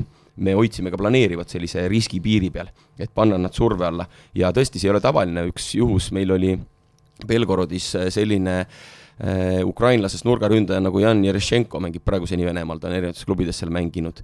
Ja ühes mängus siis äh, äh, Gretu otsustas, et hüppeltserv on nii ebastabiilne, vigu on nii palju, et lähed lööd planeerivat, oli numbriliselt kõige olulisem näitaja, mitu korda sa mängus servid, oli mängu parim. servis kõige rohkem, püsis kõige rohkem servijoone taga, me saime sealt kõige rohkem breakpoint'e. pärast mängu sai klubi presidendilt sellise peapesu ja ütles, et ta ei taha näha enam mitte ühtegi planeerivat servi, isegi trennis mitte ehk siis äh, klubi president ütles, et äh, see ei ole serv, võrkpallis tuleb palli lüüa. karm ikka see äh, Venemaa arusaam võrkpallist. ja nii ta ongi, aga see arusaam on mõnes mõttes tinginud ka selle, miks Venemaal nii üks või teine võistlus ka võitmata on jäänud tipptasemel. et et eh, väga kõrgel tasemel sa ainult osavuse pealt ei saa, viimane olümpiavõitja oli meil, või osavuse pealt, ilma osavuseta võimu pealt ei saa. Viimane olümpiavõitja on meil Prantsusmaa, kes on koos Brasiiliaga maailma number üks ja kaks just osavuse suhtes. Ma võtan äh, härra Eerma ka ikkagi mängu, kuna ta on stuudiosse kenasti kutsutud, ma arvan, on, on igati viisakas ka talle sõna vahepeal anda kui me vaatame just seda eurohooaja natukene, natukene suuremas pildis, siis Benfica vastu ikkagi Tartul jäi oma mäng äh, välja mängimata, mida nüüd eriti me nägime tänu sellele, et, et me teame, kuidas seniidi vastu hakkama saadi. millest siis Benfica mängudes puudu jäädi, kas ongi puhtalt see vaimne pool, et äh, meeskond tundis, et see Benfica võistkond on võidetav ja seetõttu ei suutnud paljuski kogenematud mängijad äh, oma ära teha? No ma arvan, et seal on niisugune nii ühte kui teist, eks ole, et need äh, oleksid, on jälle, need ei loe spordis, aga, aga ma arvan, et Alar ütles hästi ka, et et esimene mäng nii-öelda, et see seeria seal nagu veits nii-öelda kaotati, noh. et seal tegelikult oli, oli jälle noh, palle, mis, mis oleksid võib-olla läinud teistpidi, oleks, oleks me võib-olla võtnud sealt kolm-üks võidu, eks ole aga, aga noh, kindlasti mingi asi jäi võib-olla vaimsuse taha, see oli selgelt ka niisugune vastane, keda me teadsime, et me oleme võimelised võitma. Ja, ja me saame selle hak-, sellega hakkama ka heal päeval, eks ole, et aga, aga noh, see niit oli jälle selle koha pealt äh, oligi, et ega keegi ei oodanud, keegi ei arvanud ja me saimegi minna ja riskipiiril ja minna ja mängida ja see selles mõttes nagu seal ka, seal ka õnnestus, et et neid äh, nüansse, mille taha jääda võis, äh, on, on erinevaid. ma nagu võrkpalli poole pealt toon selle vahe, äh, miks me selleks valmis ei olnud. me ei olnud mänginud, ma arvan, et selle võistkonnaga mitte ühtegi sellist mängu ei ole praeguseni mänginud, kus lihtsalt nii raske on punkti saada mm. -hmm. sest et noh, alates sellest hullumeelsest liberost eh, ei jää pallid maha ja sa ei saa punkte, mille sa muidu saad ja sul ei ole seda valmisolekut, et, et kannatlikult üritada ja üritada, aga no kaua sa üritad, kui sa ei saagi. ma olen vaadanud nüüd eh, nii neid eh, Benfica mänge Valepaga, pärast meid siis järgmine ring, kus nad võitsid, ja samamoodi ka seda esimest mängu, kui nad küll kolm-kaks kaotasid, nüüd eile kolm-üks võiduga said ka sealt paarist edasi, siis tuleb muie näol, et kõik teised on täpselt samamoodi hädas, see pall ei jää maha, eriti pärast kahekümnendat punkti, mitte ükski pall ei jää maha seal on minu arust naljakas ongi tegelikult võrrelda natuke seda Zeniiti ja Benficat, et äh, kui ühes on lihtsalt pool meetrit kõrge plokk ja sa lihtsalt ei saa mööda lüüa, siis teises lööd mööda, vennad lihtsalt istuvad kogu aeg õige koha peal, et seal oli vist isegi mingeid äh, olukordi sealt mängust, kus me, ma arvan, neli korda ründasime ja lihtsalt ei, ei jää palju maha, noh. ja no see ongi, see hakkab sind sööma aina rohkem, noh. ma ühte pallivahetust mäletan väga hästi, lihtsalt mitte neli korda ei rünnanud, vaid eh, see tuli nagu lihtsalt tagasi, meil oli free ball, lihtne pall kätte anda, kõik need olid üks-ühele olukorrad, kõik ja. mehed vajutasid nii, kus tuli torust ja lõid õigetesse kohtadesse ja ikka keegi oli seal ees. Aleksander, kuidas sa oma senist hooaega kokku võtad, kas äh, kas sa oled enam-vähem rahul sellega, kuidas sa oled mänginud äh, ja mil moel Tartus on asjad äh, toiminud ja, ja milline on üleüldiselt olnud, ütleme siis mõne kuuga sinu isiklik areng, areng? oi, ma tunnen, et selles mõttes ma olen äh, kõvasti edasi läinud, et, et nüüd, kui siin natukene vahepeal niisugust aega tekkis, siis me saime natuke ka mingitele tehnilistele nüanssidele keskenduda ja, ja, ja, ja see kindlasti, kindlasti andis nagu juurde, et et aga noh, ma, ma olen selles mõttes niisugust tüüpi, et ma ei ole kunagi nagu oma mänguga rahul, et igas, igas mängus saab nagu asju paremini teha ja ja, ja, ja ega, ega ma ütlen, ma üritan võtta nii palju, kui antakse ja, ja, ja nagu selles mõttes saada iga päevaga aina paremaks, et äh,. mingil hetkel on seda ebastabiilsust ka sinu puhul ikkagi sisse tulnud päris palju, millest sa ise ütled äh,, see tingitud on, kas lihtsalt sinu mängu kvaliteet ei olegi olnud sellisel tasemel mängides selline, et sa võiksid stabiilselt mängida, et see tuleb ka ajaga või sa näed seal mingeid muid põhjuseid? ma arvan, et seal on niisugust äh, noh, jälle mitu erinevat asja, eks ole, mingil hetkel kindlasti see kokkumäng meestega, kas mina panen vahepeal kiirem tõste, panen vahepeal aeglasema, mõni mees tuleb kiiremini sisse, mõni mees hüppab liiga hilja kaugelt, et on seda, aga kindlasti on ka seda nagu ebastabiilsust, et selles mõttes ei ole midagi nagu, midagi selles mõttes nagu muretseda või karta, et, et ma arvan, et noh, külavõrkpallur TalTechist tuleb, ma arvan, et on selles mõttes on nagu isegi, isegi hästi, et, et ma ei ole ju niisugusel tasemel mänginud, veel enam äh, noh, kui me võrdleme TalTechi, okei okay,, TalTech see aasta on nagu päris korralik, eks ole, aga kui me võrdleme eelmise aasta TalTechi ja Tartut, noh, need on kaks erinevat võistkonda ikkagi, et üks võistkond on noh, selgelt tugevam, selgelt kvaliteetsem, noh, igal pool on selles mõttes äh, juures ja, ja kindlasti jälle see aasta ka, noh, mehed on teised, noh. et äh, mida parem mees, seda lihtsam on tõsta, noh see oskab ühesõnaga neid tõsteid, mis ei ole alati ideaalselt äh, just, ees ka ära lüüa. just, just, ja need noh, nii-öelda mingid kindlad süsteemid annavad kindlasti juurde, kogu aeg noh, tehakse selle palliga midagi tarka, et niisugust asja, et minnakse silmad kinni mingist olukorrast, ma ei tea, taha seina lööma või, või, või noh, et ikkagi selles pallis on alati mõte sees. et, äh, et selle, selle koha pealt on, ma ütlen, väga, väga okei okay,, ma arvan ja sina tegid just väga hea mängu ju selles samas esimeses mängus Kaasani vastu äh,. ikkagi ma küsin veel kord, et kuidas õnnestus sinul siis personaalselt äh, oma näite põhjal selline mäng teha nii hea võistkonna vastu? kas see lisamotivatsioon ja ikkagi sa suutsid ennast sellisesse vabasse olekusse viia, et, et kui mul ei õnnestu tõsta, et ja me meeskonnana ei mängi väga hästi, siis meil ei ole väga midagi kaotada, et sellest tuli see edu või? Tead, ma isegi ei ütleks nagu seda, et kõik need euromängud ja need mängud, mis meil Tartu, Tartuga on olnud nagu, et ma arvan, et ma olin kõige rohkem närvis äh, treeningmängudes RTÜ vastu, noh. et, äh, et aga pärast seda, noh, selles mõttes mäng on seesama ikka, mida me mängime. me oleme nagu teinud võimalikult hea ettevalmistuse, meil on plaan paigas, et äh, mida, mida ma selles mõttes ikka närvitsen, noh, et läheb halvasti, meil on teine vend, kui mitte parem vend, kes tuleb ja mängib ka noh, et selles mõttes plokiga kõrge plokiga, et selles mõttes äh, tuleb ikkagi teha oma asja ja, ja, ja usaldada oma meeskonnakaaslasi, kaaslasi, et. Alar, mis sina ütled äh, Aleksandri senise siis paari kuu kohta Tartu Bigbankis?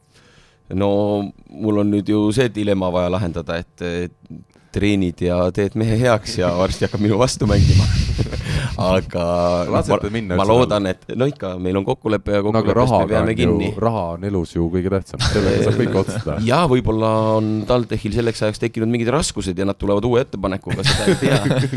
aga tervitused teisele sassile ehk siis Janis Sirelpuule praegu ja ma loodan, et ega see, kuidas me oleme mänginud, näitab ka seda, et, et et Aleksandr ei tulnud ju siia kohatäiteks, vaid tuli siia ikkagi, et ka mängida kui me võtame sellesama seniidi, tõmbame paralleeli viimase olümpiafinaaliga, et mängis Prantsusmaa Donjutiga suurem osa turniirist, siis tuli lõpuks vastu Venemaa, saadi aru, et lihtsalt Donjuti plokiga seda mängu ei ole võimalik mängida, tehti vangerdus, pandi teine sidemängija Brisard mängima ja võideti olümpiakuld. et mõnikord jah, seesama ploki teema, ega Ronni ei ole ju kehvasti mänginud ja ja koduliigas ma olen kokkuvõttes enam-vähem sidemängijate mänguaja võrdselt ära jaganud et see on hea, kui on mingisugused positsioonid, kus sa saad võrdselt jagada.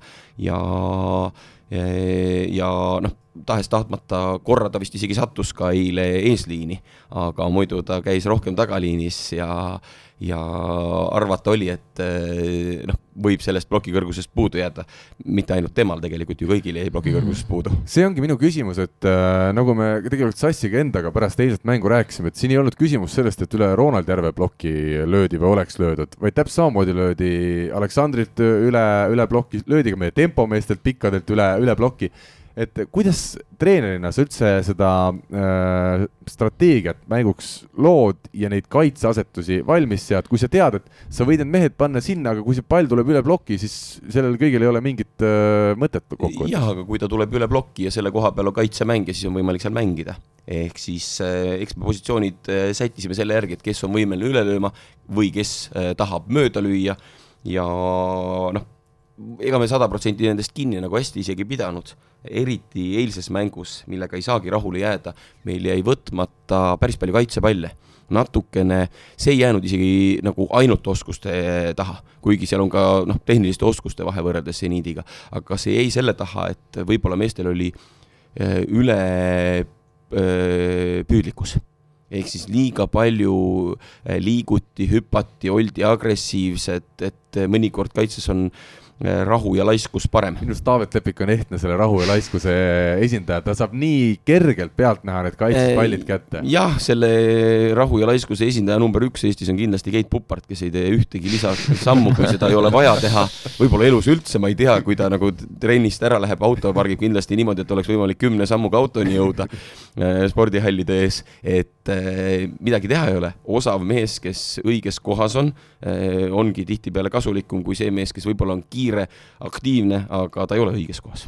palju sa, Alar, pidid üldse mänguks kaasani seniidiga ette valmistama?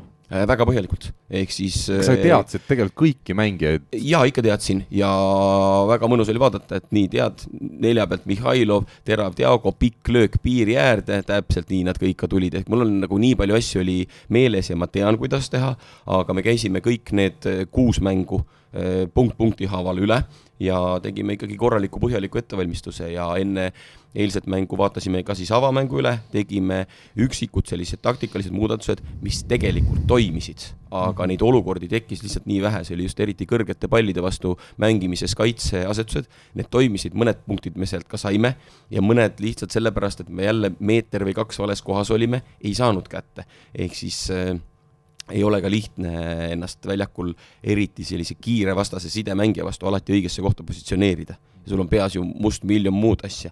et äh, paberi peal on väga lihtne alati joonistada, kuidas see mäng peaks käima. ja minu äh, lähenemine võrkpallile on see, et äh, kui mingisuguseid süsteeme nagu taga ajada, siis lõpuks see lihtne võrkpall, et mees peab oma õigel kohal olema, kui ta on aastaid ja aastaid seda võrkpalli mänginud, siis lõpuks ta hakkab ka seda tegema Mihkel, meelevaldne küsimus sinule kui kõrvaltvaatajale. Ähm, Benficaga, nii nagu me täna oleme nagu tõdenud, et tegelikult seal oli ju varianti küll. Äh, Benfica mängib meistriliiga põhiturniiril, CEF karikasarjas langeb nüüd konkurentsis, kaotame kaasani seniidile. kas tegelikult Tartu Bigbankil ikkagi ei vedanud sel hooajal äh, vastastega, et parema õnne korral ja, ja veidi parema mängu puhul me võiksime täna rääkida ikkagi sellest, et et mingi võimalus on olemas, et me oleks pääsenud meistrite liigas põhiturniiril ehk maailma kahekümne parema võistkonna hulka või ütleme, Euroopa parema kahekümne võistkonna hulka. ma arvan, et väga vedas loosiga ja vastastega just sellepärast, et äh, see kaasani seniidiga mängud on, ma arvan, kõige suurem pluss ongi see kogemus ja see kokkupuude tippvõrkpalliga.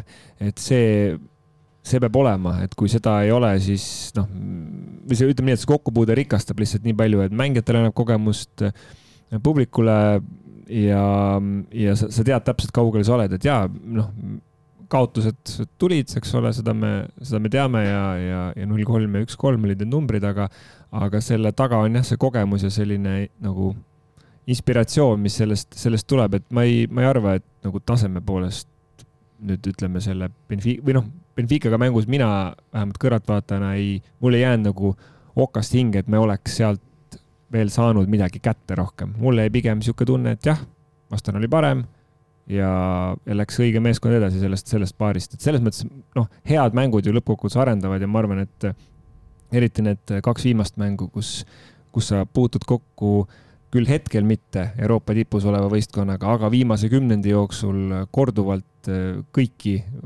siis võitnud ja, ja selgelt võitnud võistkonnaga, ehk siis ta on nagu klassi mõttes absoluutne tippklubi.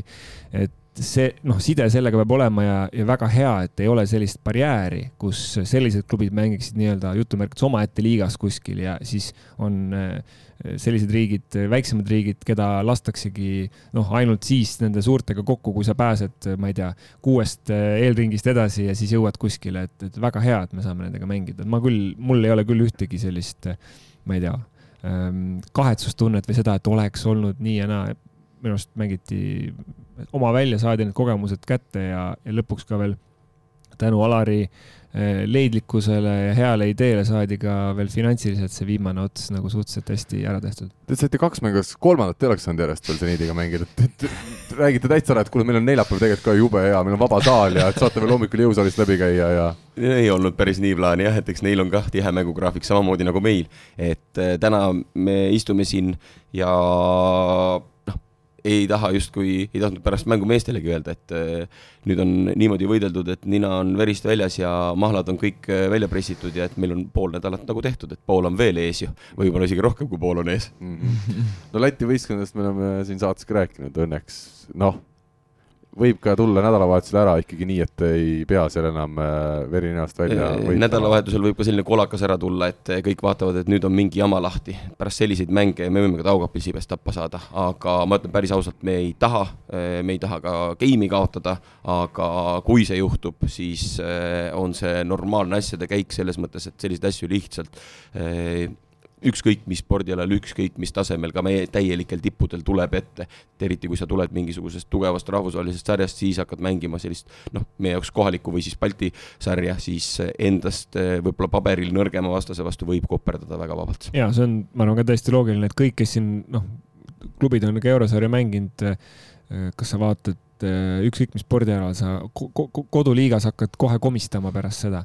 aga mm, kui sa küsiksid, Karl, nüüd selliste oleksite kohta natukene, et siis, siis üks asi mul ikkagi tuli meelde, et, et kas midagi oleks muutnud see näiteks nendes mängudes, kui Gert Toobal oleks olnud äh, platsil ja mitte siis nüüd Aleksandrit kuidagi alahinnates siin, aga lihtsalt kui me mõtleme nüüd seda maksimaalset tugevust, mida Tartu oleks saanud välja panna, siis, siis Toobal oli sellest puudu. ma ei tea, kas see oleks midagi muutnud, aga see on niisugune huvitav äh, arutelu, selleks need podcast'id on, ma ei tea, Alar, kuidas sul? jah, ega neid puudujaid, kui me alustasime, äh, siis me ju kaotasime kohe Ambrisvili avamängu soojendusega Taavet Lepiku ja kui me mõtleme Benfica mängude vastu kõige lõpus, siis ta viimane game liberona sai tegutseda, kui edasipääseja oli juba selgunud, aga sealtki oli mul üks käik puudu. noh, teine asi, Gerdi äh, väljakul olek annab eh, tahes-tahtmata igale ründajale väikese lisaboost'i juurde.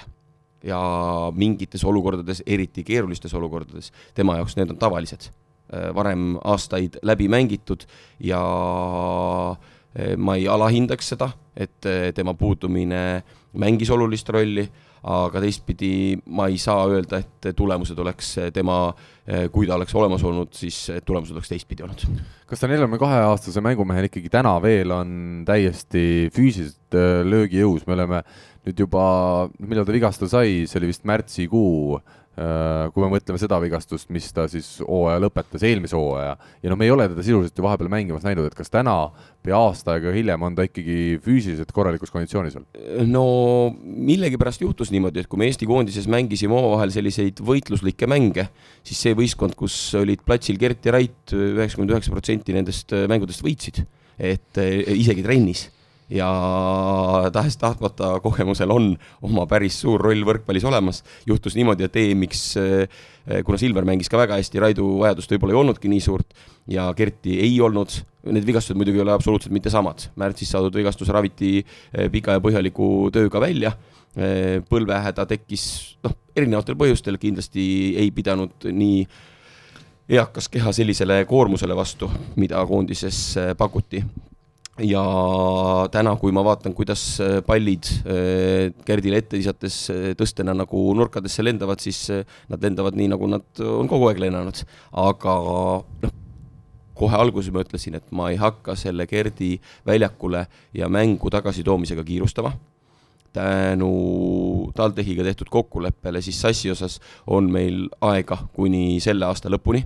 Ja järgmine poolaasta on see, kui Gert võiks mängu korda saada ja jätkuvalt äh, seni ma näen, et ta on füüsiliselt vormis, ta on hea ja nüüd peame lihtsalt vaatama, et kui hüpped ja koormused hakkavad kasvama, kuidas põlv sellele reageerib. karikafinaalis me kindlasti Gert Toobeti väljakul ei näe nii ma ei julge sulle öelda, sellepärast et karikafinaalini on meil veel pea kuu, poolteist kuud aega, punkt üks. punkt kaks, Bigbank Tartu ei ole veel karikafinaali jõudnud, meil on poolfinaalid Pärnuga ees. õigus, õigus. ehk siis, kui Bigbank Tartu ei mängi karikafinaalis, siis ma arvan, kohe võib öelda kindlasti Gerti väljakul ei näe, et klubi ta vahetama ei hakka siin lähima, lähema kuu jooksul, ma usun.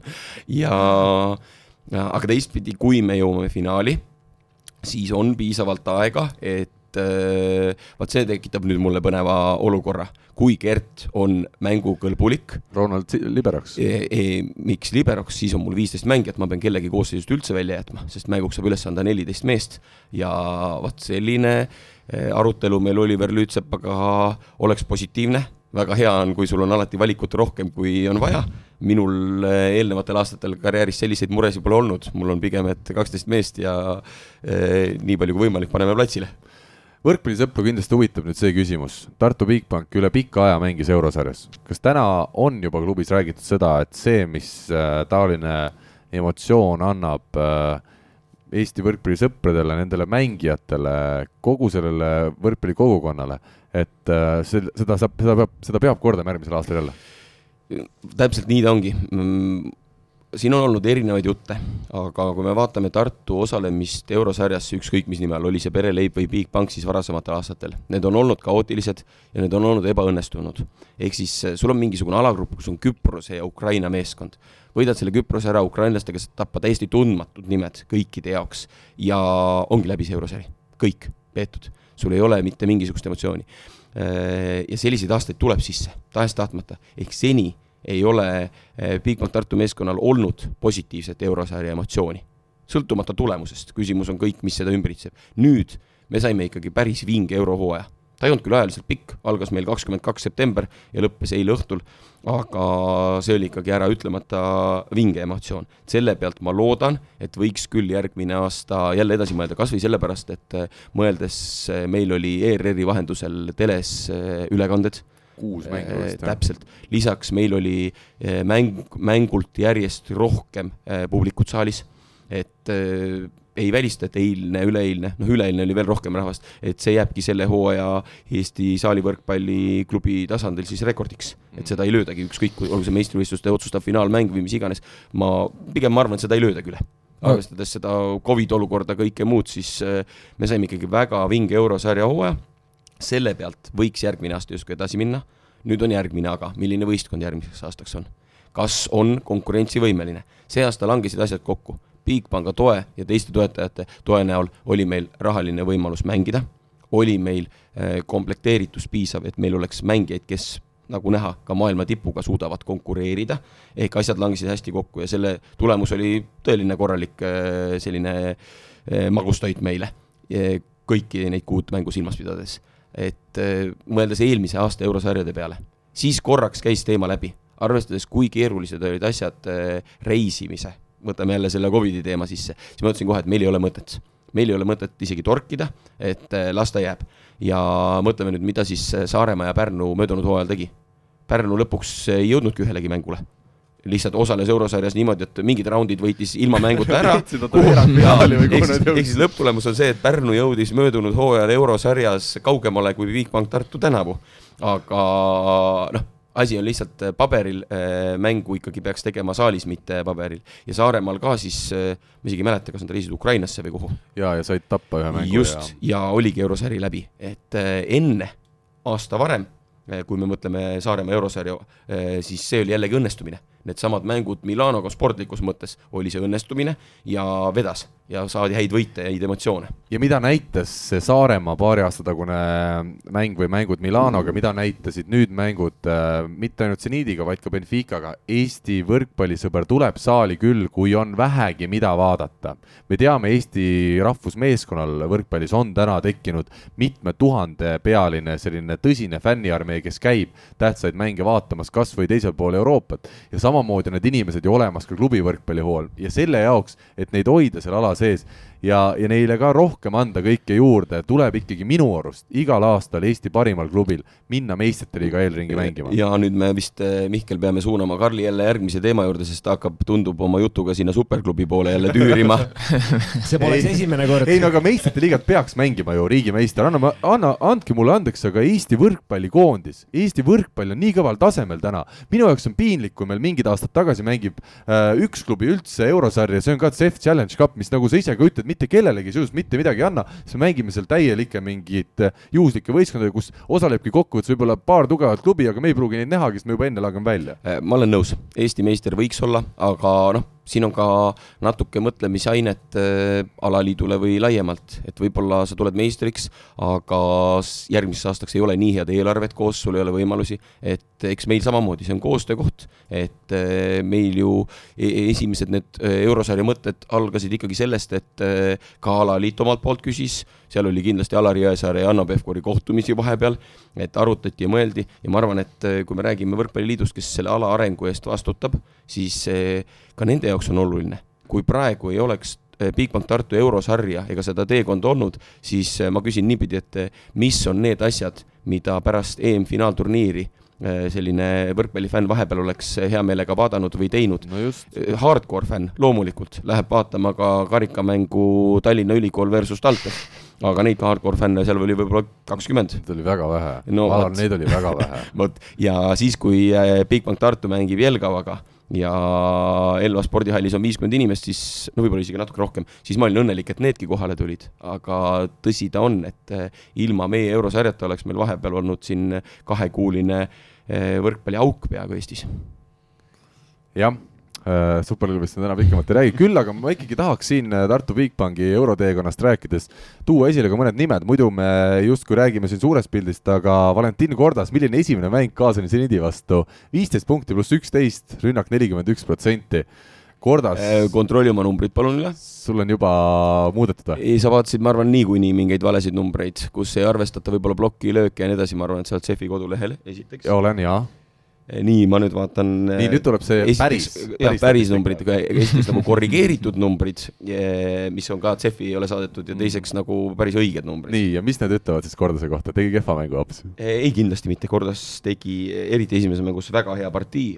oota, niikaua kui sa otsid, ma küsin Eerma käest, pagan, kas ei ole vahepeal kurb olla sidemängija, sest vaatad õht pärast seda mängustatistikat ja no personaalselt, ega noh, servi näed, eks ole, võib-olla mõne ploki oled saanud, aga ei ole sellist põnevat, oh, et palju täna vastuvõtuprotsent oli või kuidas täna rünnak õnnestus? ma arvan, et seal on, vaata see positsioonist nii erinev, et äh, igaüks saab oma nii-öelda võib-olla naudingu ja hea tunde nagu erinevate asjade käest, et minu nauding on võib-olla see, kui ma tõstan, ma ei tea, Albert Urdale või, või, või Juhkamile paipi ja lüüakse täiesti tühja pealt see maha või ma ei tea, samamoodi Valja saab kuskil ühese ploki vastu keevitada, noh et selles mõttes statistikast ei ole seda näha, seda inimene, kes visuaalselt vaatab mängu, teab seda. just, et, et, et aga ma arvan, et mina, mina nagu selles mõttes äh, võistlengi nii-öelda vastaste nii-öelda nurgaründajate ja temporündajate vastu, et et seal ongi see, et äh, mina vaatan seda nii-öelda nende siis äh, rünnakuprotsenti ja siis saan nii-öelda mingeid, mingeid asju sealt endale nii-öelda et, et võib-olla niipidi.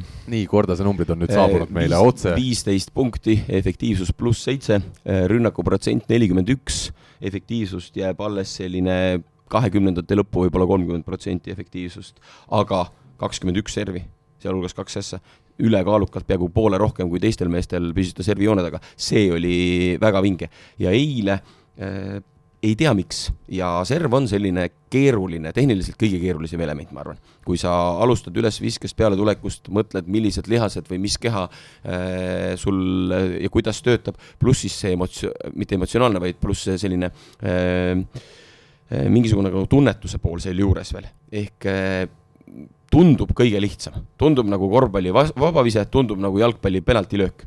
mitte keegi sind ei sega, mine ja tee oma asi ära. jalgpallis see pagana väravaht ikka segab üldiselt. no segab, aga vastuvõtjad ka segavad, võib-olla seisavad hästi kuskil, aga see on nagu see, et sellele ei eelne midagi, sa ise lähed, keskendud ja teed oma soorituse, aga ta on raske ja eile, eh, mis oli Kordasel nagu eh, kõrvalt nähes eh, paigast ära, oli ülesvise kord oli ta selja taga, ei saanud jõuda taha, kord oli ta liiga ees, lõi võrku selle palli, ehk eile ei olnud sellist servipäeva. aga üleeile jällegi tuli ja lendas ja pani ikka väga-väga tõsisesse, tõsise surve alla ka seniidimehed kui palju serviga ülesviske osas üldse tööd tehakse, ma tean, Rivoga kunagi tegime rannavõrkpallitrenni ja ta ütles, et ta venelastega teebki nii, et ta lihtsalt harjutab servi ülesviset, ei lähegi lööma, vaid lihtsalt, et oleks stabiilselt pall ees. ja, ja see, need ongi need hetked, mina olen küllalt teinud nii Eestis kui mujal seda. Ja mäletan ühte treeningut, kus nelikümmend viis minutit Dmitri Mussevskiga otsisime tema servi aga lõpetas. kadunud oli siis? ei tea, kus ta oli kadunud, aga saime teada. ehk siis oli kadunud ja ei olnud mängus ja vaatad ja nelikümmend viis minutit järjest lööb nagu kulda ja lööbki nagu kulda täielikke pomme ja peaaegu vigu ei tee. siis analüüsisime ära, alustasime viskest, siis võtsime kahelt kahest küljest videokaameratega pallilennu, kus äh,, kuidas see pall läheb, siis tabamispunktid, ma mäletan, et mul oli joonistatud mingi pildike, kus oli sadakond sinist täpikest, kus ta tabab. no see oli selline kolmkümmend korda kolmkümmend sentimeetrit äh, ruudune kast ehk kogu aeg täpselt sama, kõik oli paigas. Ja mis oli? Talle pandi klubi poolt tol hetkel väga suuri surveid peale, seal olid jõusaali probleemid ja muud jamad, ta oli noh, ikkagi selline ligi eh, miljon teeniv mängija, kellelt nõuti ja mis siis, et sa lööd viieteistkümnest pallist kolmteist maha ja oled iga mäng parim, nõuti ka seda, et sa pead viis asja lisaks lööma.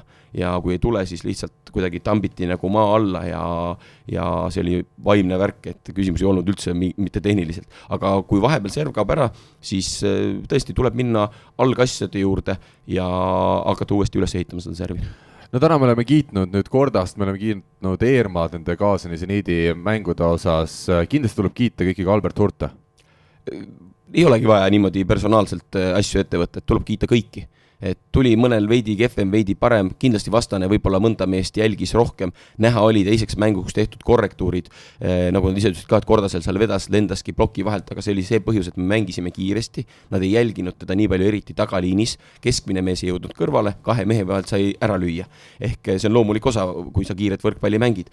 ja teiseks mänguks oli näha, et nende tähelepanu tema suunas oli veidi suurenenud kohe automaatselt et kiita tuleb kõiki ja meestele ka ütlesin, et kui vaadata näiteks kasvõi Raidu vastuvõttu eh, teises game'is, milliseid pomme tuli ja kuidas need pallid vastu võeti, need pommid. et kui Alberti ja Juku pealt ühest äärest, teisest äärest järjest tulid ässad, siis kui Raidu sektorisse see pall tuli, siis enamasti päris mitu olid lausa perfektselt äh, sassil käes. ja see ei ole nagu tavaline, sellepärast et see ei ole see, et ma nüüd suunan või teen, vaid see on puhas reaktsioon ja nagu kaitsemäng, sest äh, kahju, et nagu seda serviradarit ei olnud, eilne mäng suures osas oli selline sada kakskümmend pluss kiiruses servis, eriti rääkides Bednortsist, Volkovist. Ja ka Mihhailov sai mingi hetk oma servi tööle.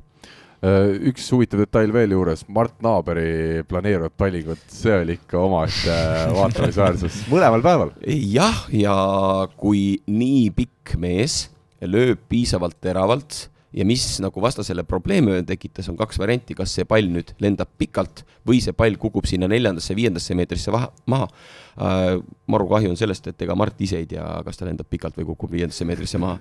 et seal on äh, omajagu juhuslikkust, aga vaat see ongi nüüd see, mis oli meestele antud luba riskida äh,. Mart riskis ja tuli välja ja näha on, et tuli nii hästi välja, et ma ütlen teiselt poolt Artjom Volvitš, kes tabab, ma arvan, Mardist palli planeeriva seri puhul umbes kolmkümmend, nelikümmend sentimeetrit kõrgemalt.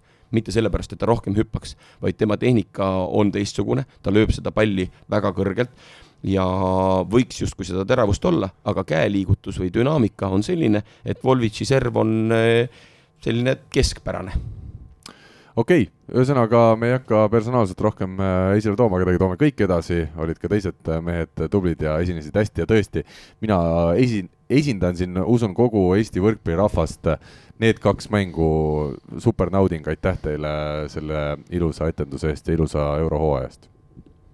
Mihkel, kas läheme edasi? Lähme edasi. ja võtame ette järgmise teema. kes võidab keda, kas sina oskad ennustada seda?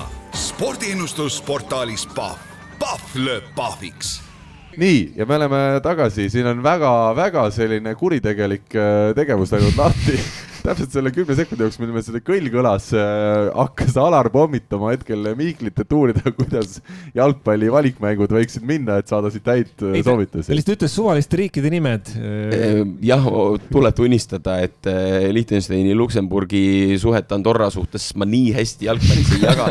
ma mõtlesin panustada jälle võrkpallile, aga kuna võrkpall ei ole mind hästi toitnud, siis ma lähen tõesti jalgpalli peale.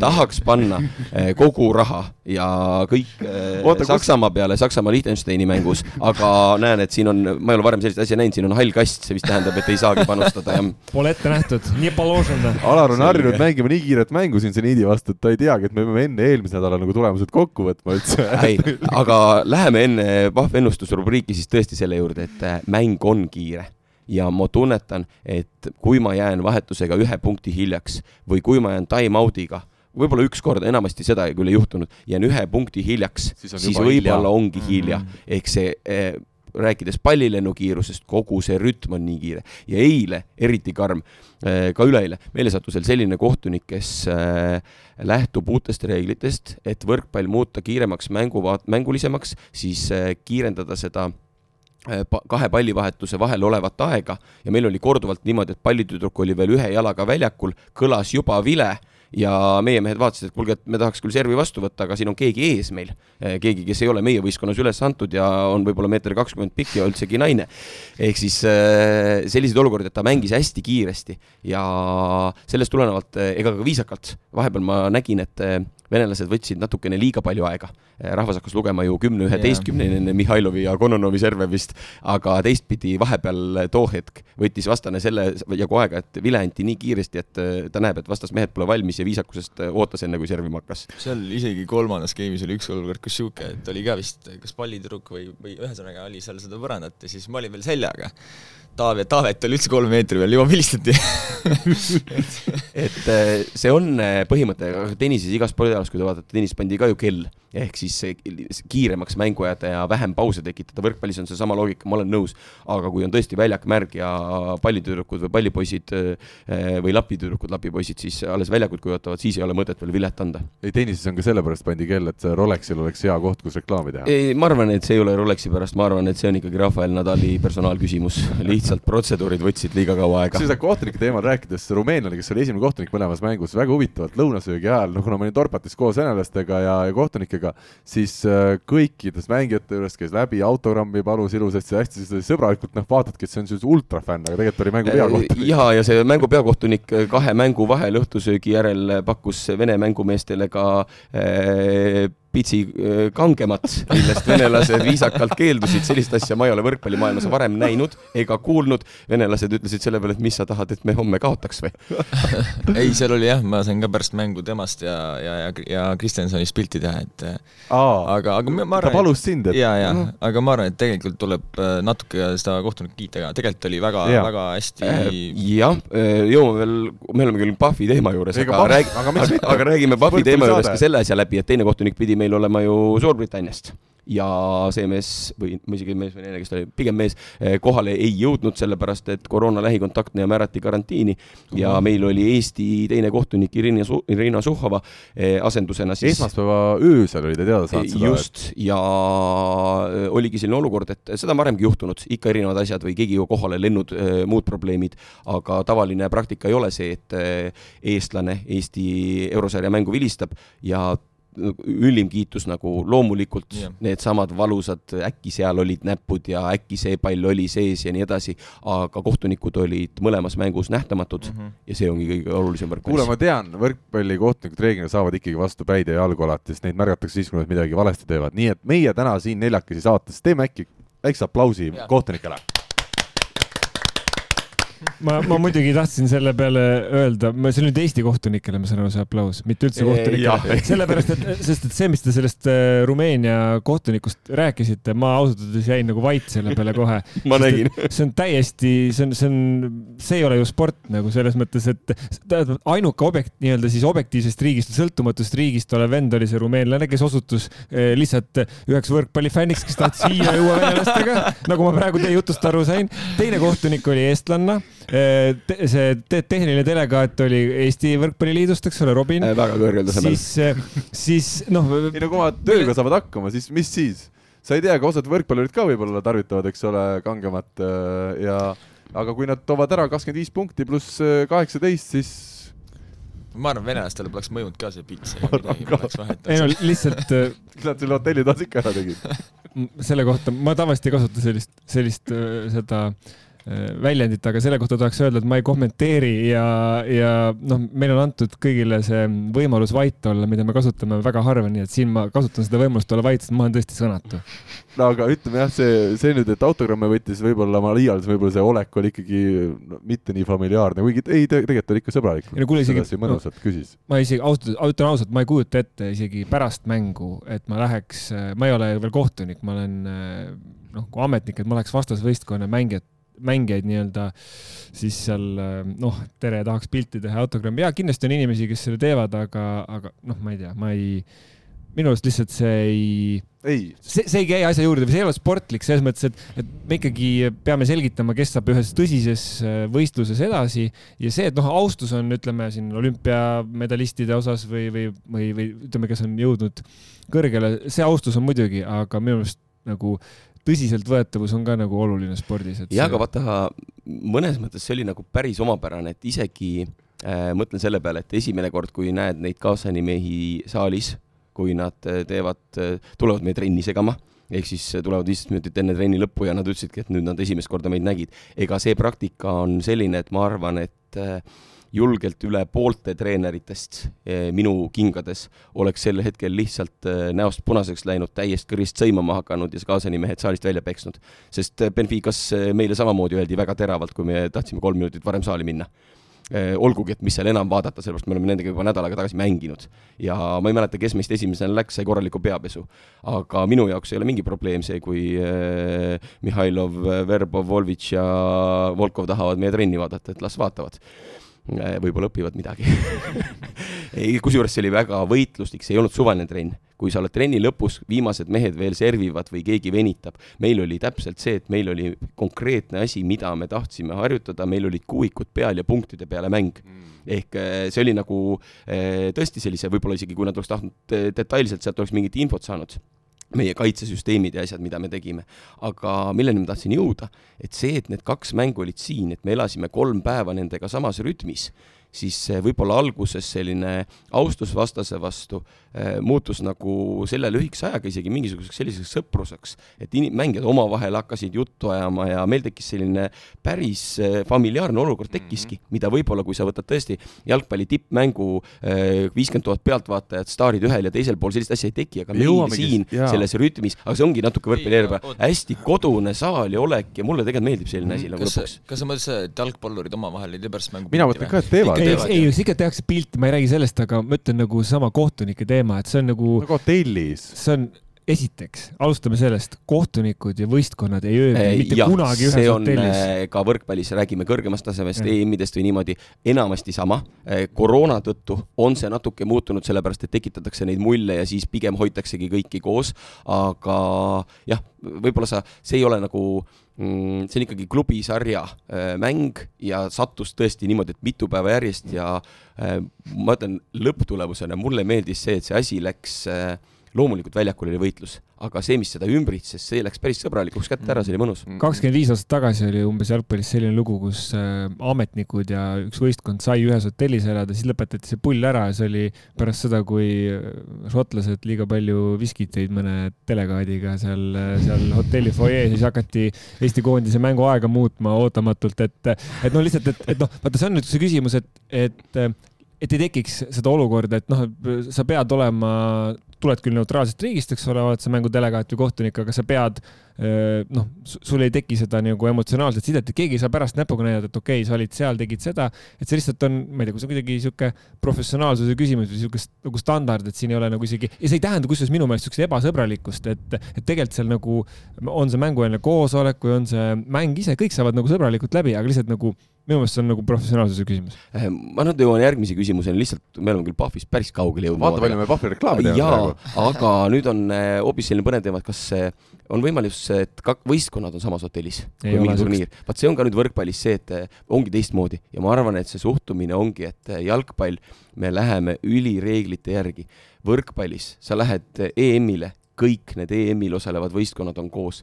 Ja sa näed, et eh, need prantslaste kohvikutes, nii-öelda kohvikutes käimisest me oleme varemgi rääkinud EM-i ajal, ega prantslastega koos läksid ka horvaadid kohvikusse ja nii edasi ja nii edasi, ehk siis eh, Ega küll- küll- põhiliselt slovakid. eestlaste kohta ma ei tea, aga ma tean seda, et eh, õhtu hilises faasis, kuna ma ise tulin kohe õhtul ära, sest järgmine päev oli juba hommikul trenn ja õhtul Selveriga kontrollmäng, siis ma tean, et õhtu hilises faasis kohtuti küll kuskil pargipingil eh, Tallinna Vabas vanalinna piirkonnas. koroona tingimustes Eh. aga ei no ja- Jakas, ütleme noortekoondised, kui on näiteks U seitseteist, U üheksateist tasemel valikturniirid, siis ollakse ühes hotellis, siis on see standard, et, et ollakse.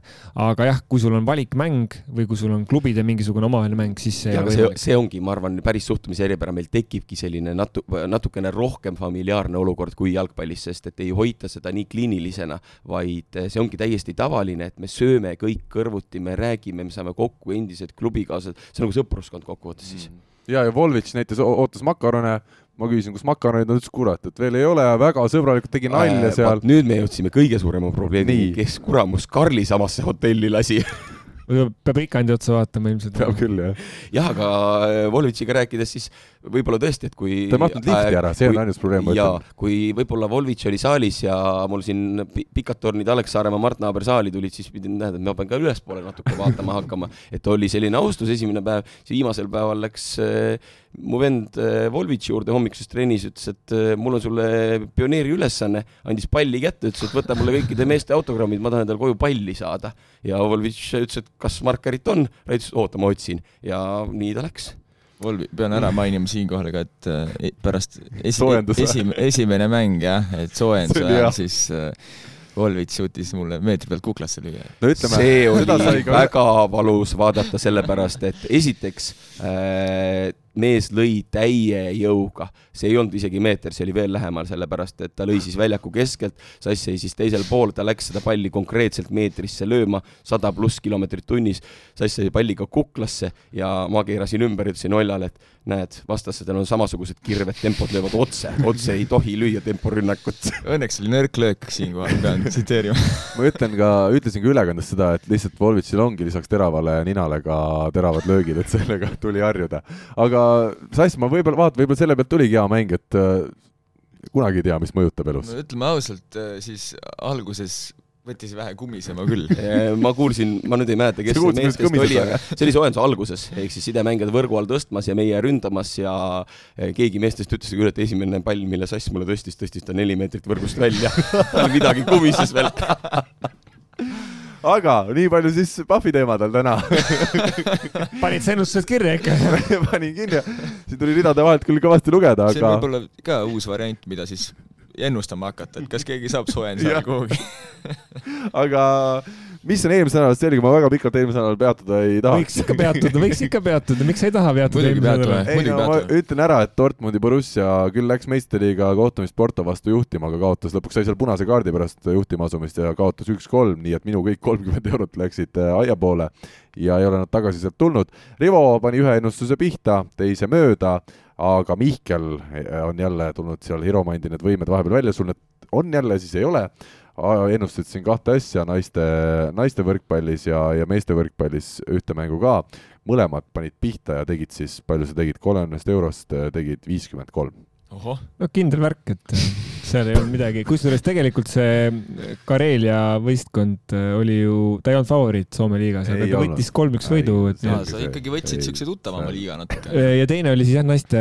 ja naised on veel eriti. tuttavad ma. mõtlesin, et sa naiste Challenge Cup, vabandust, ma mõtlesin, et sa hakkad kuhugi Filipiinide mingile liigale seal. üldiselt ma ütlen, Aleksander, see koht, kus sina istud, ennustatakse meil Mongoolia jalgpalliliigat. jah, seal tehakse naerupause siukse pikki, et kui viimane vahepeal koridoris. Ma, ma hakkaks nüüd ennustama nii äh,, Alar, kui sa oled valmis, me ootame sinu nädala ennustusi. ja nagu öeldud, jalgpalli peale läheb minu raha, kümme eurot ja läheb selle peale, et Armeenia ja Põhja-Makedoonia mängivad viiki. kas need on need juhuslikud riigid, millest te enne rääkisite kahe külje ei, vahel? sellest ma tean, nad on väga sarnasel tasemel ja mul on tunne, et sealt äh, minnakse viigi pu- punktide järele. Nii. Mongoolia on väga teravalt viimasel ajal. mis oli nüüd koefitsient? Äh, Armeenia, Põhja-Makedoonia viigi koefitsient kolm koma kolm, sul oleks, viisteist sinna, sii-, kümme. kümme. teine kümme läheb nii. mul jälle jalgpalli peale. ja Luksemburg võidab Aserbaidžaani. ma ei oska midagi öelda, tahad ma kommenteerin seda? ma võin öelda, et koefitsient on kolm koma üks, ja palju, kümme läheb siis? kümme läheb ka sinna. Ja minu kolmas selline safe panus, üks koma viiskümmend kaks koefitsiendiga läheb sellele jälle jalgpall, et Rootsi võidab Gruusiat. väga hea, nii äh,, anname Mihklile sõna. kas võtad ka oma, ütleme, tööalasest ei, ei võta, ei võta, ma ikkagi lähen? CEF karikas ja Zagreb, Zagrebi Mladost mängib siis minu lemmiku Ustina Dlabemiga, kes on mind siin juba kaks, keda ma olen kaks korda ennustanud. et äh, siis Ustina Dlabem on mind korra aidanud ja korra nad vedasid mind alt. aga nüüd on äh, Mladost on favoriit, nii et üks koma neli koefitsiendiga äh, Mladost mängib kodus ja ta on juba eurosarja mitu mängu all, all ka kõrgemalt tasemelt, nii et ma panen äh, viisteist nende peale. Ja siis on meil Poola liiga, kus äh, Olsztyn mängib äh, Kuprumiga. Ja seal on siis Olsztyni peale teine viisteist, üks koma kakskümmend viis koefitsient. ja mängid sellist kindlat mängu. ma arvan küll, et siin üks kahest üllatab, aga ma ei, ma loodan, et see minu lemmik Ustina Dlabem üllatab, aga, aga vaatame, praegu, praegu läks nii ja ma olin, riskid ikkagi. ma tahtsin riskida nagu selles mõttes küll, et äh, nii-öelda koefitsiendi mõttes riskida, et äh, selle Tšehhi klubi peale panna, aga, aga, aga jätame praegu nii. nii, Aleksander, tere tulemast ka Pahvi rubriigist, siis sinu äh, ennustamisvõimeid me hakkame kohe kontrollima. mida oled leidnud? Äh, kui siin ülejäänud mehed võtavad äh, huvitavaid äh, variante, et siis mõtlesin, et ma võtan endale südamelähedase NBA mm, -hmm. et äh, see muidugi võib-olla peaks mõnes teises podcast'is ei, ei, meile sobib, sobib, ei väga hästi. aga, aga kaksteist november ehk siis homme on, on kaks mängu, on äh, Philadelphia Seventy Sixers mängib äh, Toronto Raptorsi vastu ja Utah Jazz mängib Pacersi vastu. nüüd äh, ma tahaks võtta suurema koefitsiendi, aga ma tean neid, neid eelnevaid mänge ja ma tean ka seda nii-öelda standing us, need on rekordid, et siis ma ikkagi ütlen, et Philadelphia Seventy Sixers kodus võidab Toronto Raptorsit koefitsient üks koma seitsekümmend viis, ja viisteist eurot läheb sinna. viisteist eurot läheb sinna.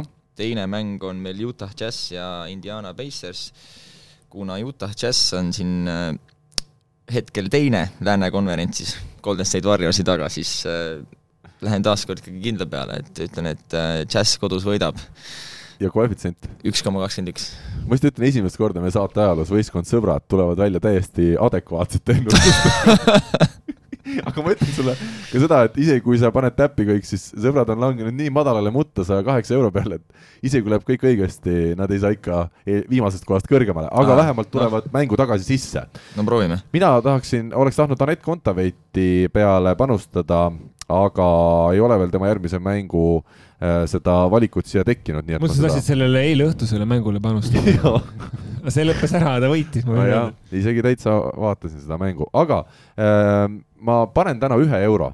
Brasiilia volley mängib Cesi SB-ga Brasiilia kõrgliigas siis võrkpalli ja seitse koma null on Brasiilia volley äh, koefitsient, ma panen ühe, ühe euro sinna, et kas see vaatame, kas see on naiste oma või? mehed mehed vist jah okei, okei.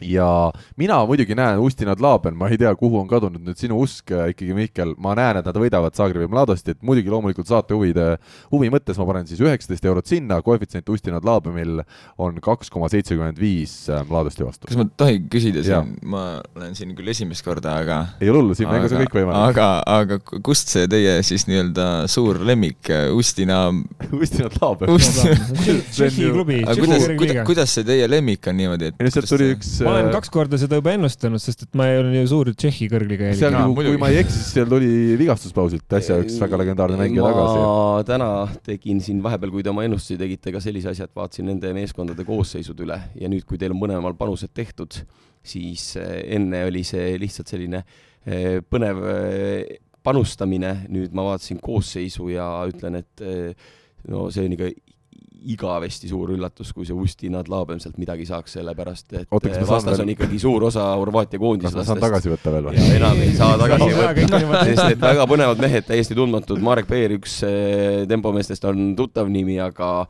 aga noh, nii nagu on Tšehhis kogenud mehed, ma arvan, et selline, selline susivat võrkpalli mängivad omadega ja võivad, sest eh, horvaatidel on omajagu noori sees, aga muidugi selline võim ja, ja needsamad mehed, kes siin EM-il käisid, päris mitmed, ehk siis eh, pigem kui nüüd eh, eh, Mihkel vist pani Ustinad Labemi vastu seekord, siis eh, jah, Mihklil on ikkagi asjad No, paremini me, me paigas. teame, kumb meist Karliga rohkem siin võrkpalli jälgib. nii, et, et sul on veel, sul on veel kuskil valus. kümme eurot mul panna on. praegu on haavu on täis mu, mu hing ja, ja keha.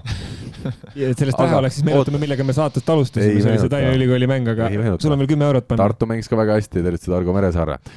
viimane kümme eurot läheb mul siis äh, Karjala turniir jäähokist, legendaarne sihuke ettevalmistusturniir ja panustan, et Venemaa võidab Soomet, koefitsient on lihtsalt meeletult kõrge, kolm koma üheksa, ju siis Venemaa ka oma paremad mehed niikuinii kõik mängivad KHL-i ja, ja NHL-i. mängivad NHL-i, no KHL-is ka on palju venelasi et ilmselt seal tulevad siis kaheteistkümnenda järgulised mängijad mängima, aga ma usun, et Venemaa selle mängu võidab, sinna läheb kümme eurot, siis sealt peaks tulema kolmkümmend üheksa nagu minu arvutuste põhjal kohe tagasi. kindel, kindel. kindla peale, isegi kui muu läheb aia taha, aga meil on täna veel teemasid ees, nii et lähme edasi.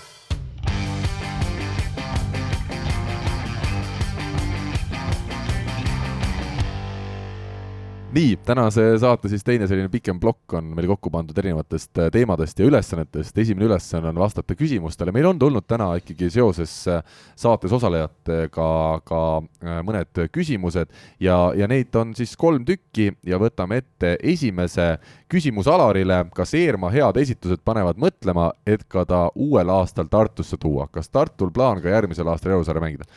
plaanisite eurosarjas mängida, me oleme täna rääkinud, aga kuidas nüüd siis uuel aastal? Kas äh, Eermaa, sa olid praegu korteris kuskil üürikorteris või ma sul ostsin endale siin, Rikand pani sulle mingi parema kuskil maja kuskil? ei, ei tegelikult jah, praegu on üürikorter, et kõik on, mm -hmm. kõik on ikkagi arvestatud. okei okay., Alar, kas peaks hakkama vaatama kortereid, et päris osta? korteriturg Ühe hea on Tartu korter. linnas aktiivne ja leiab äh, hea otsimise korral ikka. Venno äkki annab äh, hea, hea hinnaga üüri. tigutorni tahaks küll minna. Te- tellimus on esitatud. jätme, jättes nimed nimetamata ka Tigutornis ühele Eesti äh, võrkpallimaastikul väga tuntud inimesele kuulub üks korter, mida ta välja tõesti üürib. aga see jäägu saladuseks, ta ise usutavasti on meie saate kuulaja Mm. ja tervitused talle sinna kaugele. Ahah. aga rohkem vihjeid ei anna. see kaugele oli suhteline, sellepärast see ongi päris hea vihje, kes teavad, teavad, päris paljud teavad seda, aga paljud, aga saatekuulajatel pole vaja teada. aga rääkides nüüd sellest eh, küsimusest ja vastates sellele küsimusele, siis eh, poolnaljaga sai üsna alguses juba räägitud, et eh, et kui tööle lähed tavaliselt, ma isegi ei tea, mis see seadus meil täna ütleb katseajaks. neli kuud tavaliselt. Ehk meil ongi täpselt selline klassikaline katseaeg praegu käimas ja selle pealt otsustame. Ja tõsisemalt öeldes eh, midagi ju ei saa välistada, aga pole täna küll veel see hetk, kui ma järgmise hooaja meeskonna komplekteerimiseks otsuseid teen. Mm. et tõsi ta on, et eh, Poola liiga näitel siin detsembris-jaanuaris eh, suured tegijad hakkavad juba turul liigutama. no me esiliigas juba ülejärgmiseks aastaks vaatame ära, kes meil mängima no vot, esiliigas te panete võib-olla viisaastaku plaane ka paika, aga siis, kui läheb uue aasta meeskonna komplekteerimiseks, eks igale positsioonile tuleb vajadusel lahkujate asemele kedagi vaadata ja ei, see on arusaadav, et tuleb. E- esimene põhimõte on ju see, et eh, ma jätkuvalt tahan, et suur osa jääks paika, nii palju kui vähegi on võimalik eh, säilitada, sest et eh, see aasta isegi natuke palju vahetus võistkonda ja see ei ole ja pikas jooksus väga meeldiv. aga noh, see aasta muidugi see palju vahetust tähendas, et uusi nägusid on palju, aga meil on lihtsalt rohkem mängijaid. Eerma, mis need nüüd tingimused on võrkpallisõbrad, ma usun, jät-, ma noh, mina esindan hetkel äh, seda poolt, kes küsib küsimust, et mis need tingimused on, kas ikkagi paned ühe nulli sellele palganumbrile otsa, lepid sa, kui on kaks korda kõrgem palk järgmisel hooajal, kuidas, mis tingimustes oleks nõus tulema Tartusse? Parem korter võib-olla, see, kui saakski selle tigu, siin Tigu torti., siin kohapeal äh, On aeg minna kuidas, kuidas, reklaamile. kuidas Mihkel ütles jah, et ei, ei kommenteeri, et need jäävad ikkagi mängija ja klubi vahele. on nii või? Alar, sa ei taha ka? ei, ei, no täpselt nii ta ongi, et vara on sellistest asjadest rääkida, aga midagi välistada ei saa. ja mm. -hmm. ei, ma küsisin selle Me- palgasumma kohta. ai, palgasummaga on see, et eh, jah, ma tean ja ma tean päris hästi, sellepärast et selle kooli ma olen saanud, et võrkpallis. Mm, minu hinnangul peatreeneril peaks ka olema üsna selge ülevaade oma, mitte küll täpne, aga suurusjärkudes ülevaade oma eh, mängijate palgatasemest. Ja tihti ma olen eh, mingil määral isegi olnud eh, suunaja, kui siis meil mänedžer Hendrik Rikand neid läbirääkimisi peab, et mis õiglane tase oleks, sest et eh, mul on elus üldse iga asja kohta selline asi, et eh, millegi eest on mõistlik maksta mingit hinda. Ja mille pärast ma alles eh, sel aastal esimese iPhone'i ostsin, oli selle, see põhjus, et, et viissada pluss eurot ei ole minu arvates mõistlik hind mobiiltelefoni eest. Ja ma ostsin ühe siis taastatud iPhone'i kolmesaja euro eest. vot sihuke elutõde jälle juures siit. ja sama kehtib ka mängijate kohta kas- mängijatel on teatud hinnalipikud ja ma tean väga selgelt, mida ma tahaksin ühele või teisele, sest et ülemaksmine on probleem ja Alamaksmine on ka probleem. on ka alamaksmine samamoodi probleem, et ma võitlen ka oma mängijate eest, et neil oleks eh, head tingimused ja on väga palju, võib-olla isegi enamik, kui me räägime võrkpallimaailma tippudest, kus treenerid ei tegele sellega. aga minu jaoks on see Gianni Gretu kool, tema ise oli väga eh, selgelt selles protsessis sees ja ka mina tahan eh, selles protsessis sees olla, sest et eh, mulle tundub, et siis on nagu rohkem kontrolli, pluss teistpidi see õhk on natukene puhkem, kui sa tead asju. ma tean, sul viies nurgamees Siim Tammeru läks nüüd Viljandisse esiliigasse, kas sul viiendat, kui noh, ütleme, tekiks mingi kandidaat siin saate kuulajate või, või noh, seas, et eh, kas need saavad ka ikkagi, sa nende õiguste eest ka võitled? viiendaks nurgameheks on mul juba siin aastaid üritanud eh, kohta nillida Carl Rinaldo ja me oleme peaaegu tingimustes kokkuleppele saanud, et umbes selline vahemikus tuhat kuni kaks tuhat eurot peaks ta peale maksma ja meie klubi eelarvesse, siis me võiksime ta trenni võtta. kas Mikk Keskküla ei ole ka üks kandidaat?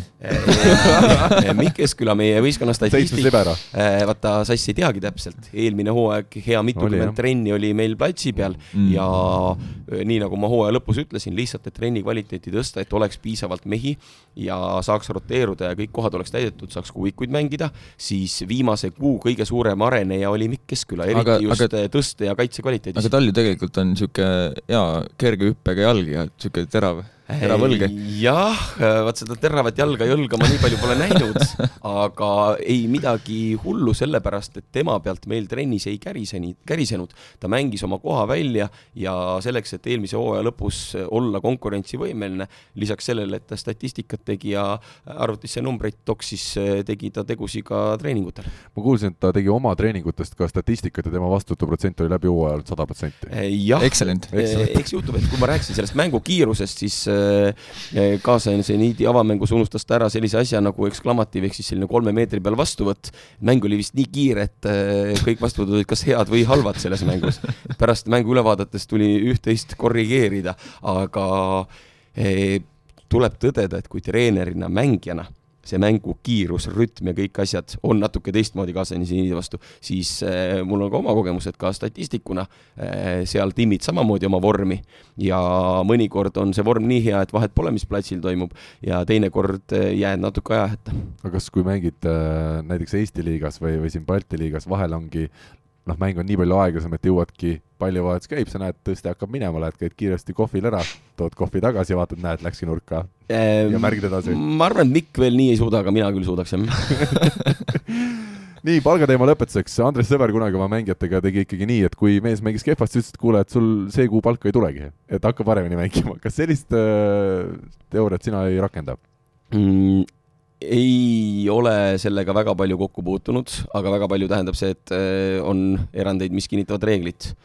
Belgorodis mm, pärast seda, kui me kaotasime Kemerovo Kusbassile karikavõistluste poolfinaalis, seesama mäng, mis sai siis ka Gretule saatuslikuks ja pärast seda ta lahkus klubi juurest, mina veel mõneks ajaks sinna jäin, siis esimene otsus kohe järgmisel päeval oli, et äh, järgmisest palgapäevast viiskümmend protsenti kogu võistkonnal ja kogu staffil ja kui võidetakse hooaja lõpus CF Cup, saadakse see viiskümmend protsenti tagasi.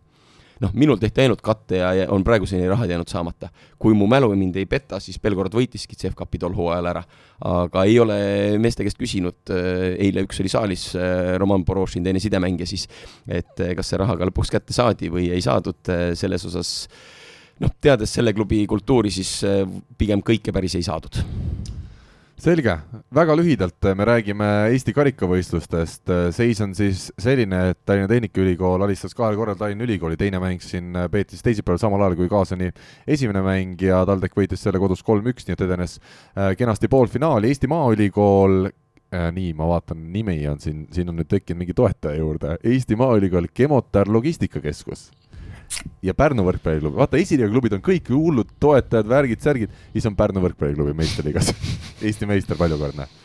jah, ja Aavo ise on seda korduvalt ka nende mänedžer Riio Tilk öelnud, et see ongi tõsine mure mm, -hmm. et Eestis äh, kõrgel tasemel asja ajada, on sul vaja ühte sellist ankur äh, nimi toetajat äh, ja meil on Bigpanga näol see olemas Äh, Selver on samamoodi olemas, äh, TalTechis jääb siis ülikooli äh, seda ja Pärnul on see nimi toetaja puudu olnud juba ja aastaid. väga odavalt ei taheta ära anda seda, eks ole. ja ei olegi mõtet anda väga Just, odavalt seda hoida juba seda et nimisponsor on see, kes saab väga-väga suure osa sellest kajastusest ja sellest tulenevalt õigesti ütled, kuigi noh, suurusjärgud, ma arvan, et esiliigas antakse see nimi üsna odavalt ikka ära seal võib-olla isegi lihtsalt kirjutad neile, et kuulge, et meil on lahe ettevõtte nimi, et äkki panete omale võistkonna nimele juurde.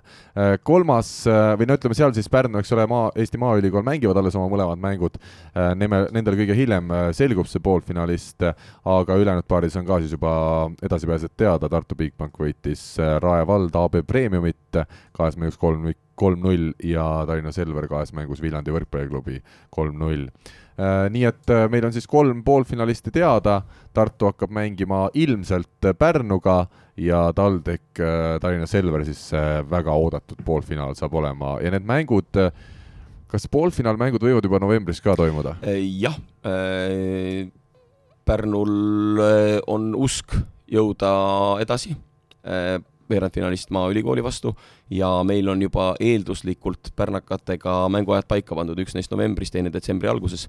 Äh, päris täpselt seda kuupäeva ei mäleta, aga detsembri keskpaigaks peavad need olema mängitud ja eks meeskonnad omavahel lepivad kokku. aga see Selver äh, TalTech äh, rivaliteet, et meil oli siin telemäng jaa, sinna ja... võimegi tulla kohe. just, ja lähemegi selle teema juurde, aga enne ma ütlen, et need saavad omavahel siin madistada nüüd lähiajal päris palju. kaks korda siis karikavõistluste poolfinaal ja kui mu mälu ei peta, siis detsembris oli veel neil üks omavaheline mäng eh, liigas ka vaja ära mängida. ehk siis eh, seda vastasseisu hakkame me nüüd nägema eh, päris palju. minu poolt siin ka kõva kiitus nüüd Tallinna Tehnikaülikooli meeskonnale, kes mängis hästi ja võitis selle kohtumise siis kolm-null Tallinna Selveri vastu, kui ka mängukorraldajatele see, missugune möll, millised tuled, viled, telgid, reklaam, bännerid, plakatid äh, olid mängule pandud ja see, et suudeti ikkagi ülikooli kaudu tuua mängule ka üle viiesaja pealtvaataja, tekitas esmakordselt sel hooajal ka meie omavahelistes siis äh, klubide duellides tõeliselt mõnusa atmosfääri, mis, mis on minu arust vajalik just eriti telemängudes, et jälle jätta hea mulje ja, ja tekitada suuremat võrkpallihuvi inimestes. et Eerma, kui sa vaatad neid kodumänge, noh, isegi võib ju sinna TalTechi tagasi minna küll ja mehed ei ole ka kehvad. ei no absoluutselt, et äh, aga tegelikult jah, see vist hakkaski juba eelmine, eelmine aasta, kui, kui see see seal need, need nii-öelda rahvasaali toomise vahendid välja mõeldi ja, ja, ja tegelikult ka oli ka vist, kui ma ei eksi, okei okay,, eelmine aasta vist juba, kas see ei, eelmine aasta vist ei saanud äh, saali väga inimesi? hooaja alguses oli ja okay. oli ka meie mäng, ma mäletan seal, kus Päris tõesti oli, oli korralikult mm -hmm. rahvast ja hooaja lõpupoole siis publik keelati jälle ära. et seal on alati selles mõttes on, on nagu, nagu kihvt mängida. ta on täpselt paras nagu saal Eesti liiga mängudeks minu arust no, ta, Tartu saal on natuke liiga suur, kui sa mängid äh, siin jälgavatega või, või kellega. ütleme jah, kui sul on tu-, noh, tuhat inimest, eks ole, nagu oli eile, siis on siis nagu on väga vinge just, atmosfäär, aga, aga jah, noh, ta, sa nii-öelda, kui sul ongi isegi ütleme, sama viissada inimest, et siis ta natuke nagu kaob ära sinna sisse, et. Pärnul täpselt sama, et kui seal isegi kakssada pealtvaatajat, siis see suur tribüün jätab mulje, et on tühi saal. jah, minul on teistsugune arvamus, sellepärast et minu arvamus on tingitud võrkpallist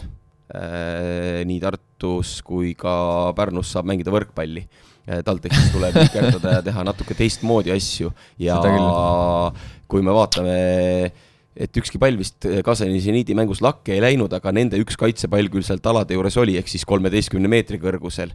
ja kui me oleks TalTechis seda mängu mänginud Kaseni seniidiga, siis nii ühelt kui teiselt poolt oleks vähemalt kümme palli vahetust lõppenud sellega lihtsalt, et pall puudutab lage. ma arvan, et see oleks iga teine pall oleks servi vastuvõtus olnud laes, sest vahepeal oli siukseid palle, kus noh, ma arvan, et Volvits puudutab ka sõrmedega plokki hüpates selle tahes ära. See võib olla küll jah. aga ühesõnaga väga hea mäng oli ja, ja, ja ka ikkagi mängu kvaliteet oli minu arust korralik. küll üllatas see, kuidas Selver ära langes.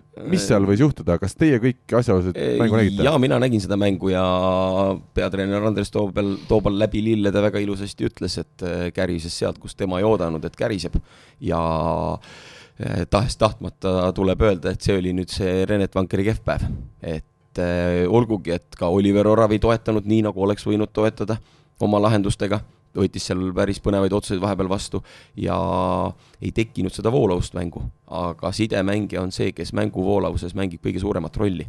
Ja sealt hakkaski kärisema ja TalTechi järjest sai enesekindlust ja kokkuvõttes üsna selgelt selle võidu võttis. Oli see üllatus või?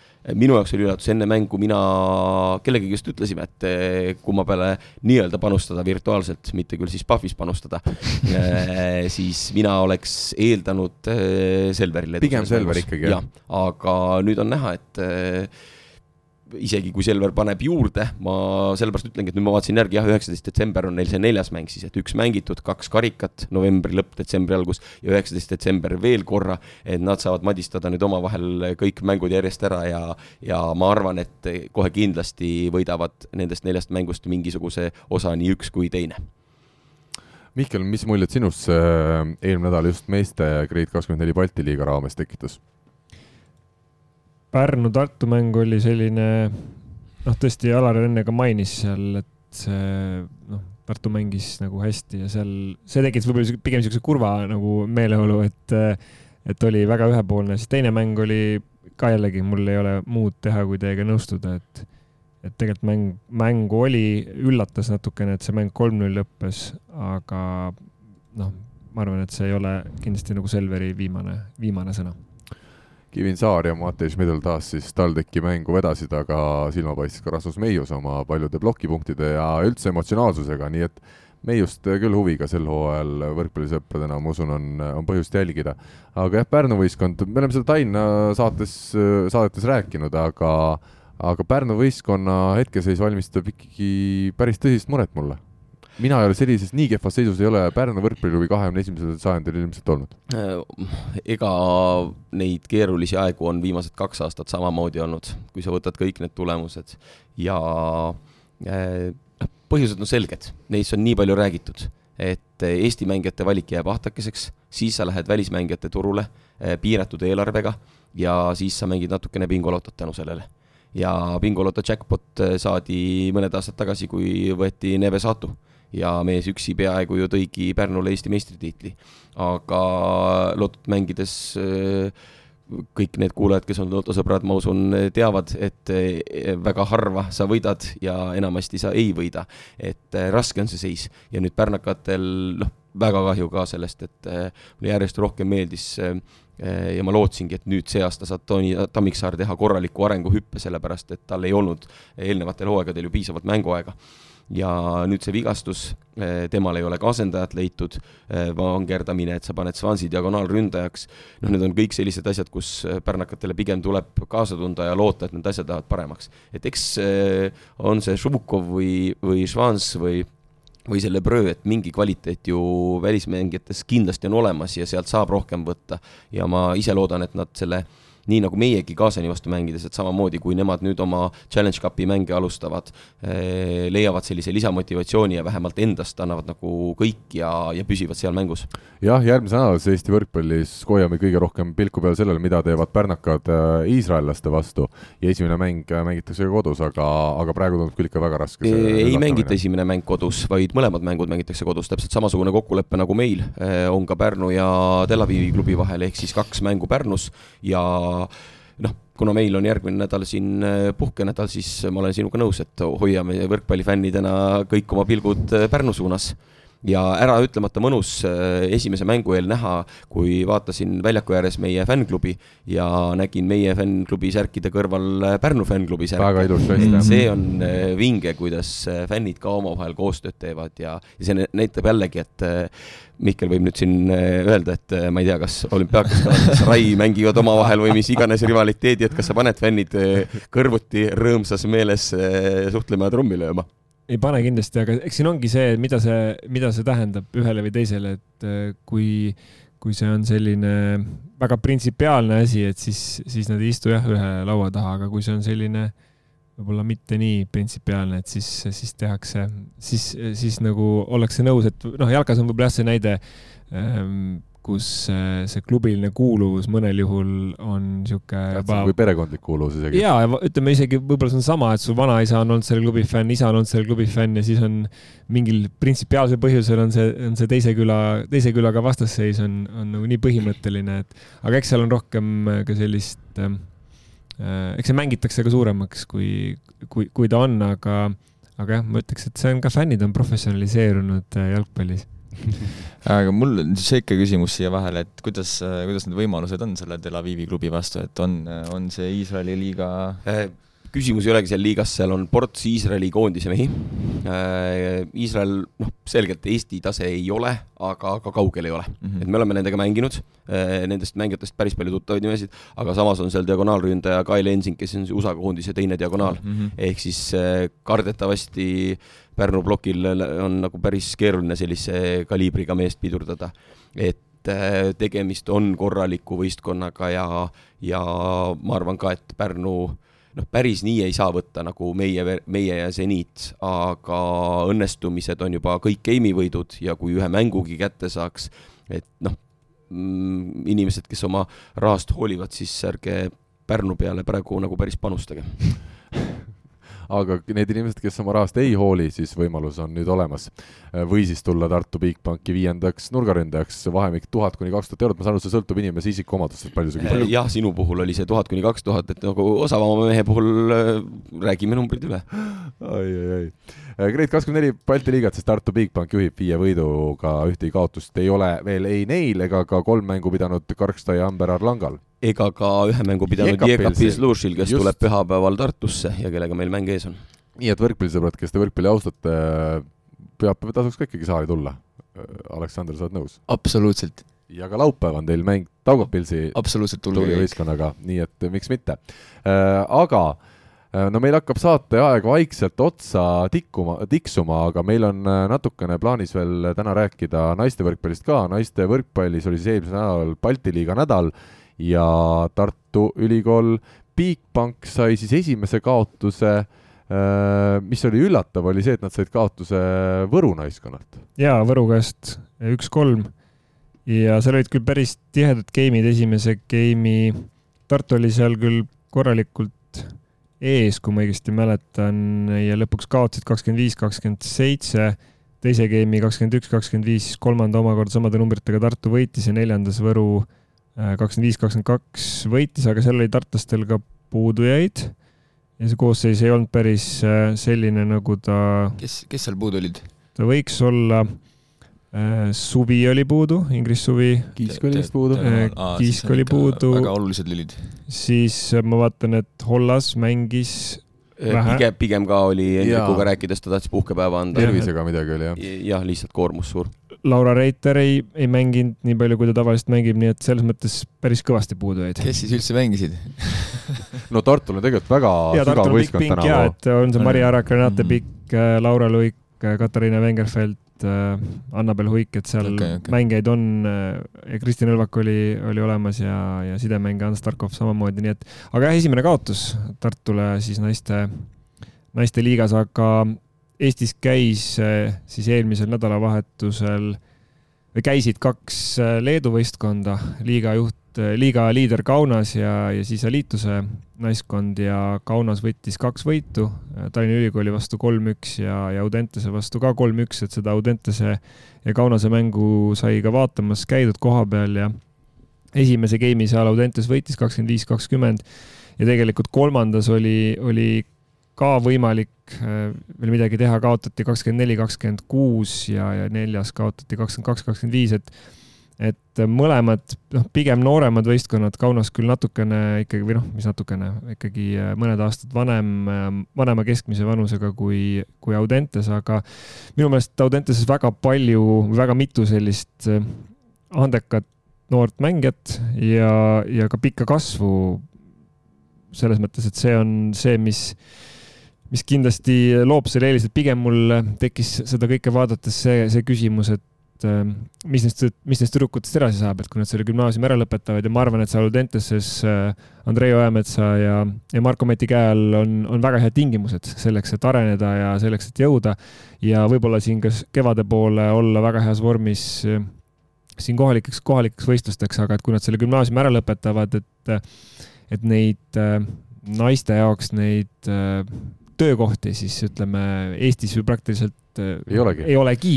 Ja välismaal noh, sa konkureerid ka mitte väga paljudele töökohtadele, ehk siis, et kuidas nad ennast realiseerida saavad, mis on, mis on variandid ja seal noh, tõesti väga mitu mängijat, kogu see kuidagi, kuidagi see meeleolu, et näha oli, et see Audentese võistkond mängib väga ühtsena ja, ja noh, Ojamets on ju teada-tuntud tasemel treener, et oskab ja. mängima panna ja ta on ka nagu mõjub autoriteedina, et seda oli nagu mõnus vaadata, et vastane oli jah, oma keskmise taseme poolest üle, aga seal oli, seal oli variante mida mina tooks kiiresti välja lihtsalt on see, et Audentsusel päris paljud põhitegijad lahkusid siin suvel, kuna lõpetasid gümnaasiumi.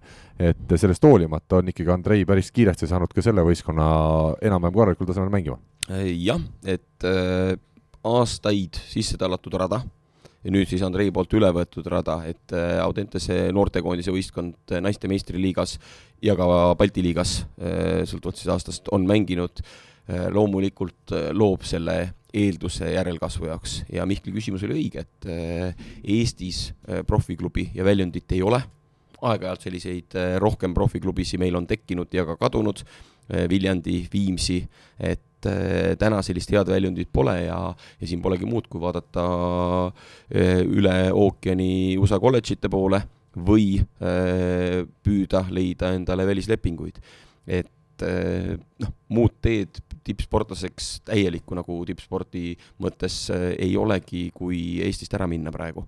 ja ma loodan, et seal on sellist materjali, kes jääks silma või kellel tekiks võimalus ennast kõrgemas mängus ja heades liigades näidata ja no, see võiks see tulevik neil olla. ja no näiteks Karmel Vares, sada kaheksakümmend seitse sentimeetrit pikk, kaks tuhat kuus sündinud, väga kindlasti korralik, korralikud võimed võib sealt, võib sealt tulla, noh, Eva-Liisa Kuivaneni me juba, ma arvan, kõik teavad ka sada kaheksakümmend seitse sentimeetrit peaks pikkust olema, tema kaks tuhat kolm sündinud ja, ja noh, seal on veel mitmeid, mitu mängijat, kes on üle saja kaheksa, saja kaheksakümne, et lihtsalt küsimus ongi selles, et et noh, see on praegu nii-öelda riiklik tellimus, eks ole, et me Audenteses koolitame ja, ja tõesti, ma, ma usun, et seal on, nii palju kui ma tean ka, et seal on head tingimused, et lihtsalt, et sealt oleks loogiline nüüd mingisugune järgmine samm, et et mis see samm võiks olla, et kuidas ehitada see sild, et meil ei läheks nagu need inimesed, see ressurss kaduma, et muidu sa mängid seal Audentes, ütleme gümnaasiumi tasemel kolm aastat, noh, ideaaltingimustes,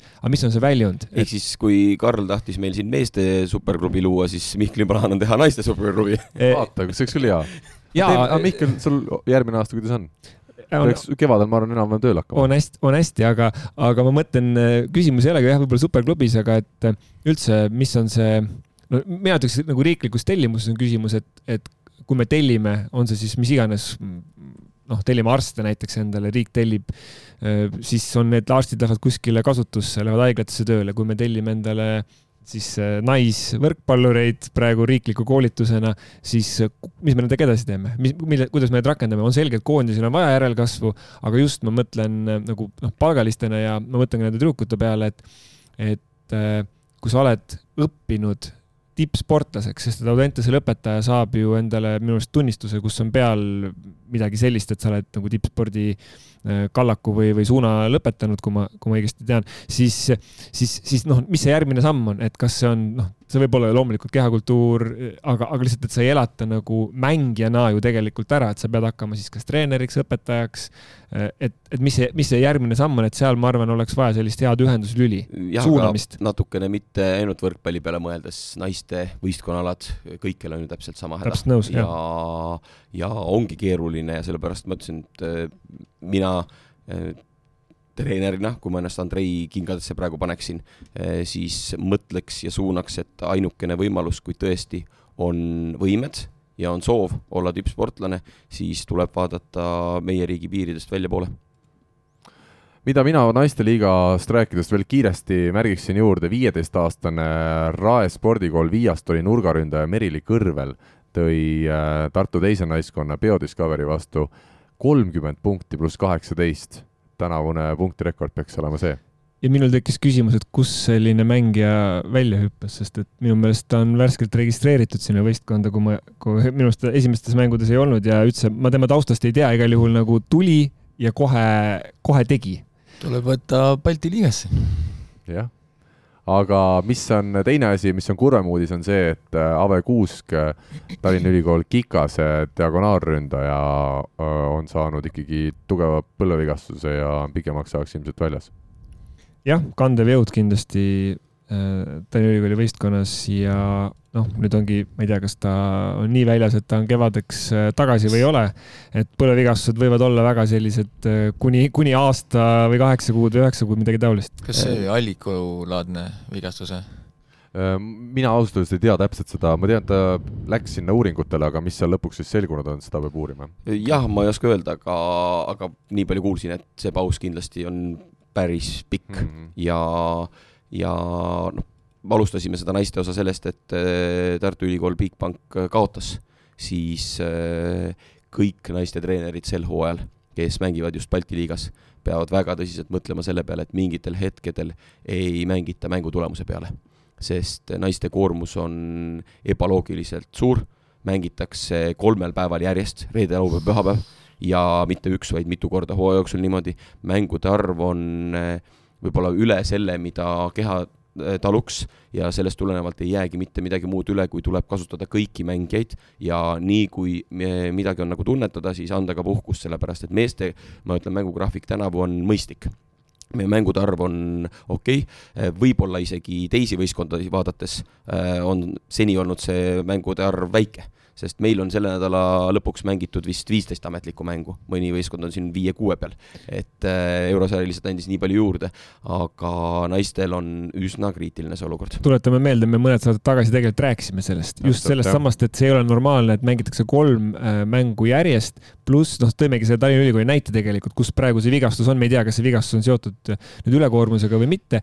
Või on mõne muu nii-öelda õnnetu kukkumise või olukorraga. kui juhtuvad õnnetused, siis äh, keha on selline, et kui seal on mingi ülekoormus uss sees mm, -hmm. siis äh, vajalikul hetkel annab see tunda kasvõi trepist ja, äh, alla astudes. ja, ja just see, et, et sa mängid äh, täiskasvanute liiget ja veel noortevõistlusi kõrvale, et see on noh ma ei tea, kas Ave Kuusk enam noori mängib? ta no, paljud, paljud oli olemas, aga ei mänginud minu teada võistlustel, et talle anti puhkust, et kõik treenerid üritavad, aga ikka raske leida. mis see põhjus on, et kolm mängu järjest mängitakse?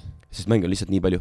võistkondi on nii palju, on Eesti meistrivõistlused, kus on palju võistkondi, siis mängitakse kaasa Balti liigad, kus on kümme võistkonda ja lisaks on veel karikavõistlused. et lihtsalt on just eriti sellel sügisesel osal väga-väga tihe mängugraafik. Nendel ei, siis ei kannata kuidagi nädala sisse organiseerida? proovivad, aga seal on ka see kokkulepe, kuna saali ajad näiteks. no see on üks asi, teine asi on ju ka see, et seal ei ole profisportlasi ah,. mis tähendab, et seal tekivad probleemid. järgmine asi, kui me meestes saame arvestada sellega, et meil peaaegu või siis ainult üksikud pärnakad ja võib-olla äh, üks TalTechi temporündaja, me ei pea arvestama U kakskümmend vanuseklassi võistlustega mm, -hmm. siis naised peavad arvestama nii U kakskümmend kui U kaheksateist vanuseklassi võistlustega, et need ka veel ei kattuks. ja Vist see kokku on, nojah, ehk siis äh, asi läheb lihtsalt äh,, ongi, ma kujutan ette, et selle graafiku koostamine on väga kõva peavalu ja lõpptulem on see, et äh, mängitakse väga piiri peal mul on üks lihtsalt hea näide oma esiliiga võistkonnast Tallinna Ülikoolist, täpselt sama ülekoormuse juht või, kas need või olukord. kaks trenni päevas on nagu nii, nii hullud? siin ei saa enam rääkida midagi. räägi, räägi julgelt nii, hea, esimest korda saates Aleksandr Eermaa annab mulle sõna nagu saate lõpus, väga hea. ühesõnaga, Nils Rüüka, hea sõbrapoiss äh,, oli just tulnud seal, oli terve nädal mänginud palju randa ja saali ja, ja tundis äh, selgelt nagu niisugust väsimust kehas sees ülikooli, Tallinna Ülikooli mängul, tuli liberona pingile, ütles seal teistele, et näed, et keha nagu täitsa läbi kuidagi. Läks tagasi sisse tagaliini ja kaitses täiesti süütus olukorras, väänas hüppeliigese välja ja on nüüd äh, kuu aega kindlasti eemal, et see, see ongi nii, nagu Alar ütles, et see jutt võib ju juhtuda niisama sul, aga selle tingib see, et sul keha on väsinud. ja seal on veel see asi ka, et noh, et äh, seal ongi seal mitu erinevat asja, üks on see, et sul võib-olla on keha väsinud, hoiad natuke kuskilt tagasi, teine asi on see, et sa võib-olla ei ole sajaprotsendilise keskenduse, keskendumisega sealjuures, astudki kogemata valesti, noh, et sa ei kontrolli mingeid asju ja Just. siis nii need tulevad päris lihtsalt no,. kui nüüd mõelda et ega see teema ju puudutab meid ka päris lähedalt. Bigbank Tartu mängib sel hooajal, sel nädalal neli mängu kaks tükki mm -hmm. olid väga-väga karmid füüsiliselt, esimene oli ju kahetunnine ka veel. teine ajaliselt sai küll kiiremini, aga energia, mis sa annad, see võib olla rohkem kui viiegeimiline lahing siin Balti liigas ja nüüd on veel kaks mängu ees. ehk eh, see, milleni ma jõudsin, et eh, noh, ka tulemuse osas väga karm treenerina, mõnikord sa pead mängima mitte tulemuse peale, vaid pikema perspektiivi peale, et mehed püsiksid terved. Äh, ja naiste lõpetuseks, naiste teema lõpetuseks. Karika veerandfinaal Tartu Ülikool Bigbank, TalTech Trade-House, esimene mäng homme ehk reede õhtul ja teine mäng juba laupäeval, siis on aset leidmas, esimene pealinnas, teine Tartus ja saab nüüd näha TalTechi hooaja algus, nüüd on siis viimane, viimane hetk, mil seda hooaega alustada, enam edasi lükata ei ole võimalik. Äh, jah, sellepärast et tõmbame siis selle korraks selle toredat Saaremaa teema siia kõrvale, et äh, ka Saaremaal on veel võimalus hooaega alustada et eh, on nad üritanud leida viise, kuidas mängida ainult eurosarja, aga, aga CEF-i poolt siis eh, pikalt ja põhjalikult eh, oma regulatsioonidest tuhlates ikkagi päris nii ei saa, et ma teen võistkonna ja võistkond ainult eurosarjas mängib, et rahvuslikud litsentsid ja, ja muu selline paberimajandus, mis sinna juurde peaks käima, et TalTechil Äh, ma loodan, et äh, asi lõpeb ikkagi sellega, et äh, võistkond, naiskond alustab mängimist. Saaremaa puhul on ka veel veidi armuaega, aga kartus on, et see võistkond ei alusta mängimist. Saaremaa vist lootis ühe teise Eesti meistriklubi kõik mängijad võtta eurosarja mängudeks laenuks, aga päris nii vist jah, me tegime ka siin omavahel nalja, et tegelikult ei ole vaja nalja teha, tõsine asi ja, ja halvasti see Saaremaa värk lõppes, aga meil oli palju parem pakkumine, et eh, meil ju nüüd kaasani seniidiga sai eh, CEF Cup otsa, et jätkame Challenge Cupis, ehk siis meil ju tiim on olemas ja hoog on praegu sees, et paneme sama rauaga edasi Ivar Alt, kui sa kuulad meid, tervitused, loodetavasti äh, see mõte tundub ka hea. see oleks hea mõte, sest ma saan aru, et see kautsjon on makstud juba osalemiseks ju, et see ei läheks raisku, saaks Tartu vähemalt mängida. me saaks purjetada veel edasi. ja, ja, ja ma nüüd esimene voor, vaat seal ma ütleks küll, et see nüüd tuleb me, tuleks meil selline eurosarja mäng, kus meil on võidukohustus mm, -hmm. sest et mhm. taanlaste vastu ma küll ei äh, tahaks näha seda, et me seda mängu ei võida ja sealt paarist edasi ei saa, ma ei ole isegi vaadanud, kuidas neil edasi see äh, uss seal jookseb, aga vot seal võib-olla purjetaks päris kaugele välja. aga meil on saate jooksul tekkinud veel kaks küsimust äh, seoses saates viibijatega, nii et kiiresti lõpetuseks need veel ka äh,. anonüümne Dima küsib tere, tere Dima. küsimus on suunatud Aleksandrile. mis õppetunni on ta saanud ja omaks võtnud seniidi mängudest? lisaks sooviksin teda kiita, oli väga meeldiv vaadata ja jälgida tema tegutsemist mis õppetunni? Äh, no ega seal on see terve, see kaks mängu oli üks õppetund, et äh, et ma vist mingis intervjuus ütlesin ka, et noh, see on kõik ju, noh, ma arvan, et äh, see nap-, noh, siit enam kõrgemale ei anna minna, noh. see võistkond, okei okay,, eelmine aasta olid Venemaal viiendad, aga ma olen, ma olen enam kui kindel, et nad äh, sel aastal vist viiendaks enam ei jää. sel aastal esiteks nad viiendaks enam ei jää ja teiseks ma arvan, et CEV-kapis nad väga suure tõenäosusega võivad ära ka võita selle kõik, et olgugi, et seal tulevad Modenad ja muud võistkonnad vastu, eks. aga, aga jah, noh, mina jälle enda positsioonist lähtuvalt, eks ole, nägin lihtsalt seda, et niisuguste kollide vastu on ikka natuke raske nagu tõsta ka, et et oli neid ilusaid momente, aga, aga jah, ütleme, need liiguvad kiiresti ja, ja löövad võimsalt ja, ja noh, sidemängija on täpne noh. õigel ajal õiged otsused. ma küsin selle asja ka ära, et äh, on löödud üle minu ploki palju kordi, mina olen sellega harjunud, aga kui sul tulebki see niit vastu, sa oma arust ikkagi kerkid ju ka, kas sa teed igapäevaselt trenni ja käid jõusaalis, kui tuleb jälle löök ja läheb üle ploki maha, mis tunde see mängijas tekitab? ei no see oli vahepeal nagu mingid olukorrad olidki siuksed, et sa lihtsalt, sul ei ole midagi teha, sul on naeratada lihtsalt noh, et äh, mingi hetk olegi ühene plokk, vaatad, kurat, peaga oled üle võrgu ja saad ainult siit sõrmeripsust siis lüüakse pikka diagonaali, siis minu arust oli isegi vist ühes teie story's oli, kus äh, äkki see Bednors tuli lihtsalt üle Alex Saaremaa ja lõi Rait Rikbergile vist kuue või seitsme meetri peale nina ette palli maha lihtsalt. et äh, aga, aga selles mõttes oligi ilusaid momente mõlema poole, seal isegi üks hetk oli vist äkki kolmandas game'is, kui esimene mäng oli seal, Kristjanson alustas paibiga kohe noh, ma panin vastu ka ära, siis ta ikka naeratas ja tegi silma, et tubli poiss. kas on mäletad olukorda, jah? sihuke väga, väga meeldiv. selles mõttes ikkagi nagu noh, kõik on normaalsed inimesed ja hästi kihvt oli tegelikult. esimesest mängust mul tuli veel üks lahe seik meelde, mida kordusest keegi pärast saatis videolõigu, kuidas Albert Hurt lahendas hästi ära mingi raske palli ja siis Rait Rikberg vaatas talle otsa ja andis käe, ütles tubli poiss oled ega pole see asi nagunii hull midagi, et eh, ka meie mehed isegi üle Volvitši ploki said seal paar korda mm -hmm. ja noh, me ei ole ju füüsiliselt eh, nii palju maas kui me räägime päris tipust. tõesti, puht need eh, gabariidid, pikkus, kehaehitus ja kõik muu, et Bigbank Tartu võistkond ei ole võimu peale üles ehitatud. eelmine aasta me käisime mängimas Leedus siis äh, Kargždai Ämberi võistkonna vastu ja Alex Saaremaa oli vigastusega Audis äh,. Mart Naabrit toona ei olnud äh,. pikim mees oli Kevin Soo, alla kahe meetri ja enamasti olid meeter üheksakümne piiri peal või alla selle ja isegi need ukrainlased ja leedukad, kes vastu tulid, me olime nendegi kõrval poisikesed seal. Ja poisikesed suutsid võita. aga samas seesama Kristensoni kommentaar, mis oli, et eh, ma nüüd päris huviga ootan eh, Oliver Lüütsepa andmeid meie hüppe mõõdikutest vertidest, et eh, millised need hüpped mängu ajal just olid, et mingi reservi, ma arvan, igaüks veel oma kehast leidis ja oli neid lennukeid nii Valja kui Taavet kui Albert meil ka omajagu ja, ja lõpuks sa võid olla lühem, aga kui sa hüppad rohkem, siis äh, võib-olla oledki suuteline üle Volvitši lööma. eile oli ka jah, vist kolmandas skeemis üks paip, mis ma Taavile panin. see oli ikka meil olid kõik venad platsi peal, vaatasid, see ikka uskumatu, lendab värrakas. see mees ikka ja tuli sealt ja, ja vaatad ja läheb ja läheb ja ikka läheb et, et lahe on no näed, tore näha, et inimesed naudivad seda võrkpallimängu sedasi. aga viimane küsimus veel, Urmo küsib, ei ole anonüümne Urmo, on lihtsalt Urmo võib vist öelda, et kiilakas Rikberg on üks ägedamaid treenereid üldse. kas Rikbergil on tulnud ka välismaalt treeneri pakkumisi? kui oleks minek, siis kelle mängijatest võimalusel kaasa võtaks? vot sihuke küsimus saate lõppu. Äh, vastan tõsiselt siis, et nalja on tehtud saates omajagu äh, see aasta ei olnud ühtegi pakkumist, vähemalt tõsiseltvõetavat mitte. nii enne eelmist kui üle-eelmist hooaega oli erinevaid, nii statistiku kui abitreeneri kohale äh, erinevatest riikidest. Ja ei ole ma ise otsinud ja nendele pakkumistele olen ei öelnud, lihtsalt sellepärast, et punkt üks tahaks peatreenerina toimetada ja punkt kaks, mulle meeldib ka kodus olla et viis aastat järjest välismaal oli päris piisav.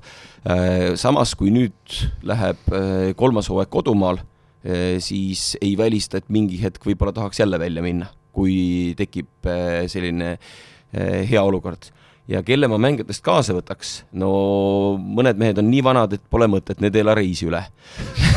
Sul on juba siuksed probleemid.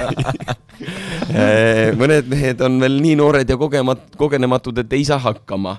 Eh, mõni mees on kindlasti selline, kes ei taha tulla kes on tööl või koolis või mingisugused muud eh, hädad on juures. mina võin tulla. Eh, sind ma lihtsalt ei taha võtta. on nii palju raha. ehk siis, aga ütleme tõsiselt, et kui ma läheks ja mul oleks vaja ja ma näeks seda perspektiivi, siis olgugi, et ta on selline pujään ja temaga on nii keeruline ja tal on liiga tihti oma arvamus, siis ma võtaks kaasa Alberti.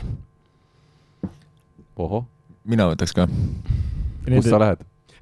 vaatame Nendest, nendest, äh, sellest küsimusest kinni hakates, siis noh, minu meelest äh, siin Kaasani või Tartu treenerid, et seal võiks peaaegu selle kaks tilka vett teha nagu nendega, et äh, tüpaaž on ikka väga sarnane. jah, aga kui sa vaatasid nende ühte abitreenerit, seda itaallast, siis peaaegu kolm tilka vett isegi oli kokku nii et kõik head treenerid on kiilakad. kui päris aus olla, siis hakkame vaatama ja vaat-, mõtlema nagu on see Piazza või neid mehi, et mina oma välimusega olen üsna keskmine maailma võrkpallitreener, et selliseid mehi, kellel on juuksekasvuga või siis nimetame seda juuksepiiri taandumiseks, eh, sellega omad eh, teemad, neid on palju. stressirohke. jah, ja aga no mul hakkas, sassi ei tea, mul hakkasid juuksed, juuksepiir taanduma umbes seitsmeteist, kaheksateist aastaselt juba. kuule, aga mul minust see oli enne treeneri tööd. kümne aasta pärast võib siis minust hea treener saada, mulle tundub, praegu vaadates minu seda juuksepiiri jooksmist. jah, aga mitte hea või ükskõik millise treeneri töö aluseks võiks olla see, et jagad nagu võrkpalli. matsu ka veits selle toreda sõnumiga on hea tänane saade kokku võtta, Mihkel, sul ei ole midagi öelda? ja ma tahtsingi öelda, et nagu hea ja väga hea vahe oli see, millest Alar rääkis, aga see, millest sina rääkisid, oli hoopis midagi muud jälle head sõbrad, nagu Alar ütles siin äh, minut-kaks tagasi, et äh, kui oled viis aastat välismaal olnud, siis lõpuks lähed koju. mina olen nüüd neli päeva Tartus olnud, nüüd tahaks juba ka vaikselt tagasi Tallinnasse. aitäh kõigile osalejatele, aitäh kõigile kuulajatele, kohtume taas nädala pärast. aitäh! aitäh! aitäh! Eesti kõige põnevamad podcastid on Delfis, kuula tasku.delfi.ee